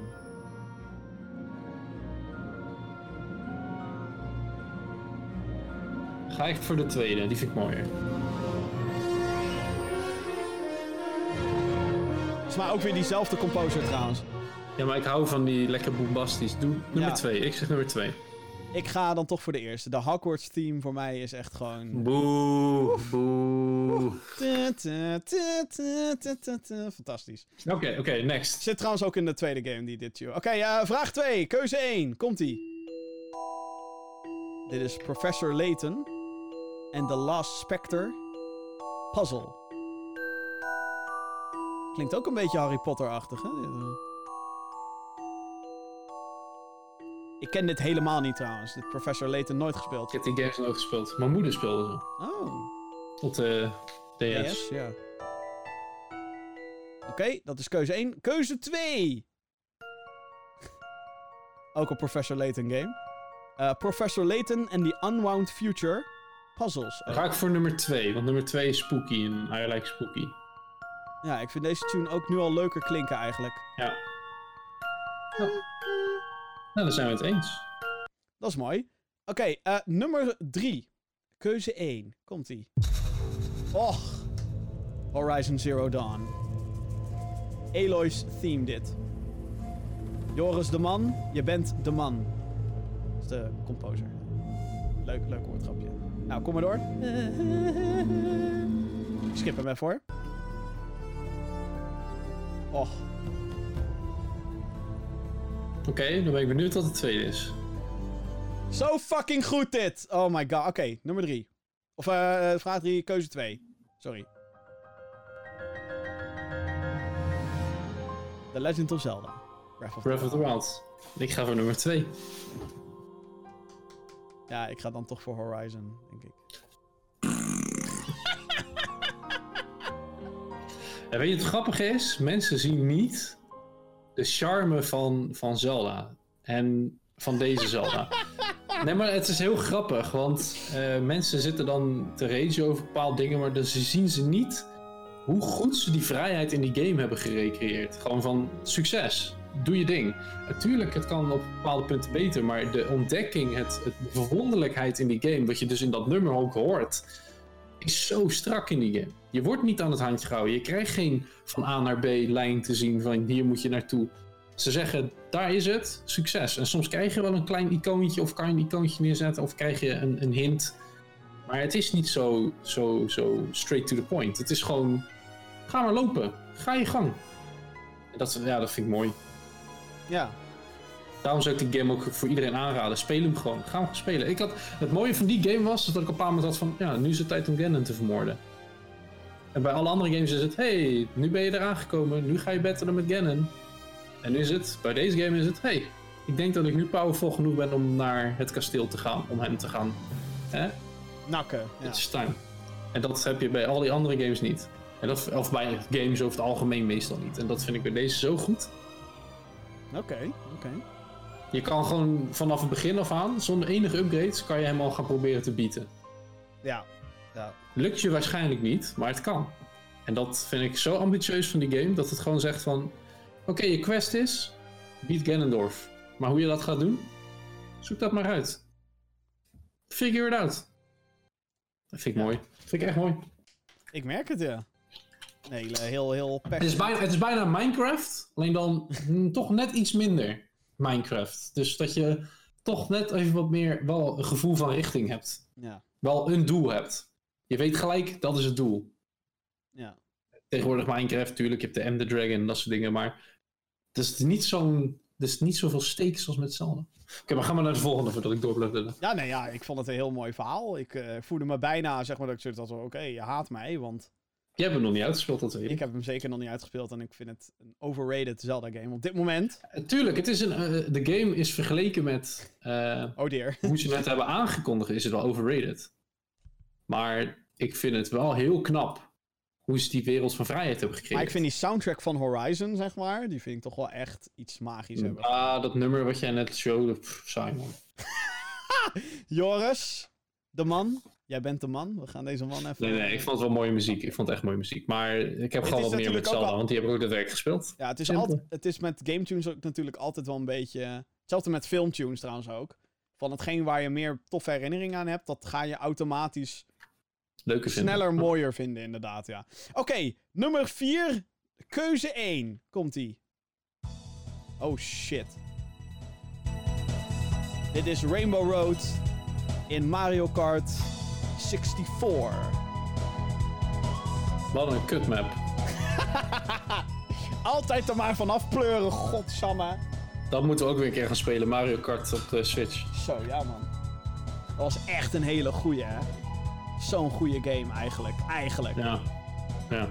Oké, dat is keuze 1. Eh, ik eh, kan me zo voorstellen dat keuze 2 ook een Mario Kart Rainbow Road is. Maar welke? Geen idee. Klik nu op het linkje. Oh! Het is het origineel versus de remake. Van Mario Kart 8. ja, dan is de tweede wel leuker. Ja, Veel echt, meer hè? geluiden. Ja, keuze 2. Ik Ja, keuze 2. Easy. Easy dit. heb ook gelijk weer zin om die game te Ja, spelen. ik ook, man. Maar ja, ik heb geen Nintendo Online, dus ik kan hem niet online spelen. Fuck. Volgens mij heb ik mijn eh, Mario Kart 8 heb ik uitgeleend aan iemand. Echt al heel lang. Aan wie? Aan, eh, aan eh, de vriendin van Vincent. Oh, Die ligt daar al, eh, al heel lang. En ik heb eigenlijk nooit... Spelen. Ja, ja, nou, ik heb eigenlijk nooit de behoefte gehad van eh neem maar terug. Maar ik denk dat ik die binnenkort wel even terug moet vragen. Ja, weet je, eh, ik was al klaar met die game in een bepaalde zin. Maar op zich, het tegen elkaar racen bleef altijd wel leuk. Ja. Moeten we even een Mario Kart toernooitje fixen een keertje. Als corona voorbij is met z'n allen. Want ik heb geen Oh, ja, zin nee. om Nintendo Online te kopen. Hoezo? Oh, volgens mij heb ik het nu wel. Zit ik in ik wou net zeggen, je speelt toch Animal Crossing online ook? Ja, Moet dus je ik ook Nintendo online voor hebben? Ja, 20 nee, ik zit natuurlijk in een family. Shit. Ik betaal er wel voor. No! Mijn Hey! principes! Mijn principes. Hey! What? No money? Here. Wat zei je? Jij betaalt er helemaal niet voor. Nee, maar ik ben er wel lid van. Oh! Heb ik het weer gedaan. De vechtscheiding is aan, dames en heren. Oké, laten we snel de laatste doen. Eh, nummer 5, keuze 1, komt-ie. Geen idee. Oh. Super Smash Bros. Super Smash, ja. Je hoort het. La, la, la, la. Dit is Brawl, de Wii game. De main theme.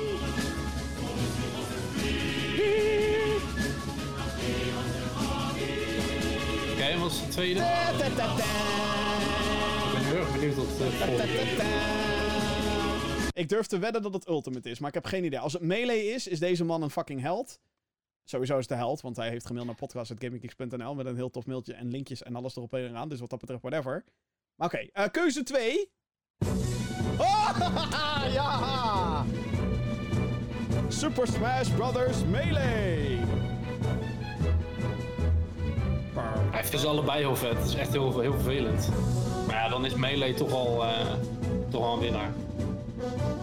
Ja, wat ik vet vind dan, de eerste keuze is eh, wat meer dat, eh, net als met het nummer van Final Fantasy, dat Sephiroth weer... Ja. Het, het, het is ook heel bombastisch. Ja. Ik vind ze allebei gewoon lekker. Ik kan eigenlijk geen keus maken. Het moet hè. Ja, ik vind, ik, vind, ik vind Melee dan toffer. Maar dat komt ook weer. Daar hebben we weer nostalgia, zeg maar. En de nostalgia waarde. Beide zijn ze inmiddels oud. De Wii-versie en de, dit was op de Gamecube. De... Oh ja, daar, daar, daar zijn we weer. Hallo, ja. Daar is de muziek weer. Eh, alles viel even weg. Eh, maar eh, dit was de Gamecube-versie. Deze dan. Keuze 2. Ja. En de eerste was Brothers. Allebei zijn ze oud. Maar ik heb zoveel. Gewoon. Die menumuziek van Melee heb ik zo vaak gehoord. En ik werd het nooit zat. En ik heb. misschien is het omdat. De Brawl, dus de Wii-game, die leunde veel meer op dat. Ha, ha, ha, ha, dan Melee Ja, deed. ja, dat is waar, dat is waar. Maar ik vind ze allebei gewoon prachtig, maar dan kies ik ook voor Melee. Wat ik trouwens een nog betere vind, wellicht, is deze versie.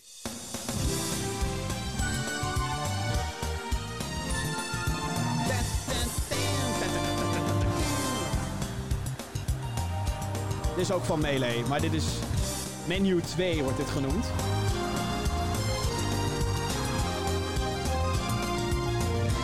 Super Smash Brothers. Maar ik vind het zo tof dat ze zeg maar in alle vijfde main games.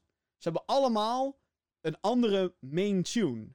Maar het is allemaal zo typisch Super Smash Brothers. Zo, zo knap vind ik dat. Ja, jij kent het gelijk. Ja, ja, het is zeg maar. Dit is dan. eh, melee is. Brawls. Wat was 4 ook alweer? Ik weet het niet meer, eigenlijk. Maar Ultimate is dan. eh, ten, ten, ten, ten, ten, ten, ten. Weet je wel? Dus dat is meteen herkenbaar. Ten, ten, ten, ten, ten, ten, ten, ten, ten, ten. Het is allemaal zo smash. Ah, we gaan- ah, Ja, Game Tunes, wat leuk. Bedankt ah, Edwin, lekkere muziek. voor dat mailtje. En daarmee zijn we aan het einde gekomen van deze wederom hele lange aflevering van de Gamer Geeks podcast. Meer dan 2,5 uur? Eh, bijna, bijna, bijna. We eh, raken bijna op dat punt. Ik hoor ook van niemand klachten dat het langere shows zijn, want hey, de situatie in de wereld. Weet je wel, het is... eh, nou goed. Ze hebben tijd om te luisteren. Daarom. Eh, dus dat vind ik heel leuk. Eh, dames en heren, bedankt voor alle. Er waren ook een paar mailtjes die ik niet heb behandeld. Die ga ik doorschuiven naar de volgende aflevering. Want zo gaat dat natuurlijk, hè. We laten geen enkel mailtje laten we onbeantwoord. Dus dat. Heb je ook een vraag voor de show? Eh, nogmaals, podcast.gamergeeks.nl. Mocht je deze show leuk vinden en je luistert bijvoorbeeld naar de audioversie... dan zou ik zeggen, abonneer via je favoriete podcastdienst... zoals Google Podcast, Apple Podcast en Spotify. Er is ook een videoversie. Die is te vinden op youtube.com slash gaminggeeksnl. Daar posten wij ook al onze andere videocontent. Waaronder, deze week was er een nieuwe ASMR-sessie van Jordi online gekomen. Hij gaat Fortnite spelen in ASMR. Dat moet je echt even checken, dat is heel grappig. Eh, er komen ook reviews aan, nieuwe game reviews van mij. Elderborn staat al helemaal klaar om gepubliceerd te worden. En Jesper die is eh, eh, aan de slag gegaan met Close to the Sun. Daar heeft het vorige week al even over gehad. Zijn video review komt deze week uit. En ehm, ik ben natuurlijk ook nog steeds bezig met mijn Doom Eternal review, maar ja, nog niet klaar mee. Dus. En eh, wil je nog meer van Gamer Geeks, waaronder bijvoorbeeld het laatste nieuws, of wil je alles mooi op één plekje hebben? Daar, die plek is er, gamergeeks.nl. Goed. Jeroen, wat leuk dat je erbij was. Dankjewel, dat vond ik eh, insgelijks. Eh, dit was de 127e aflevering van de Gaming Geeks podcast. Hartstikke bedankt voor het luisteren. En heel graag tot de volgende keer. Aju.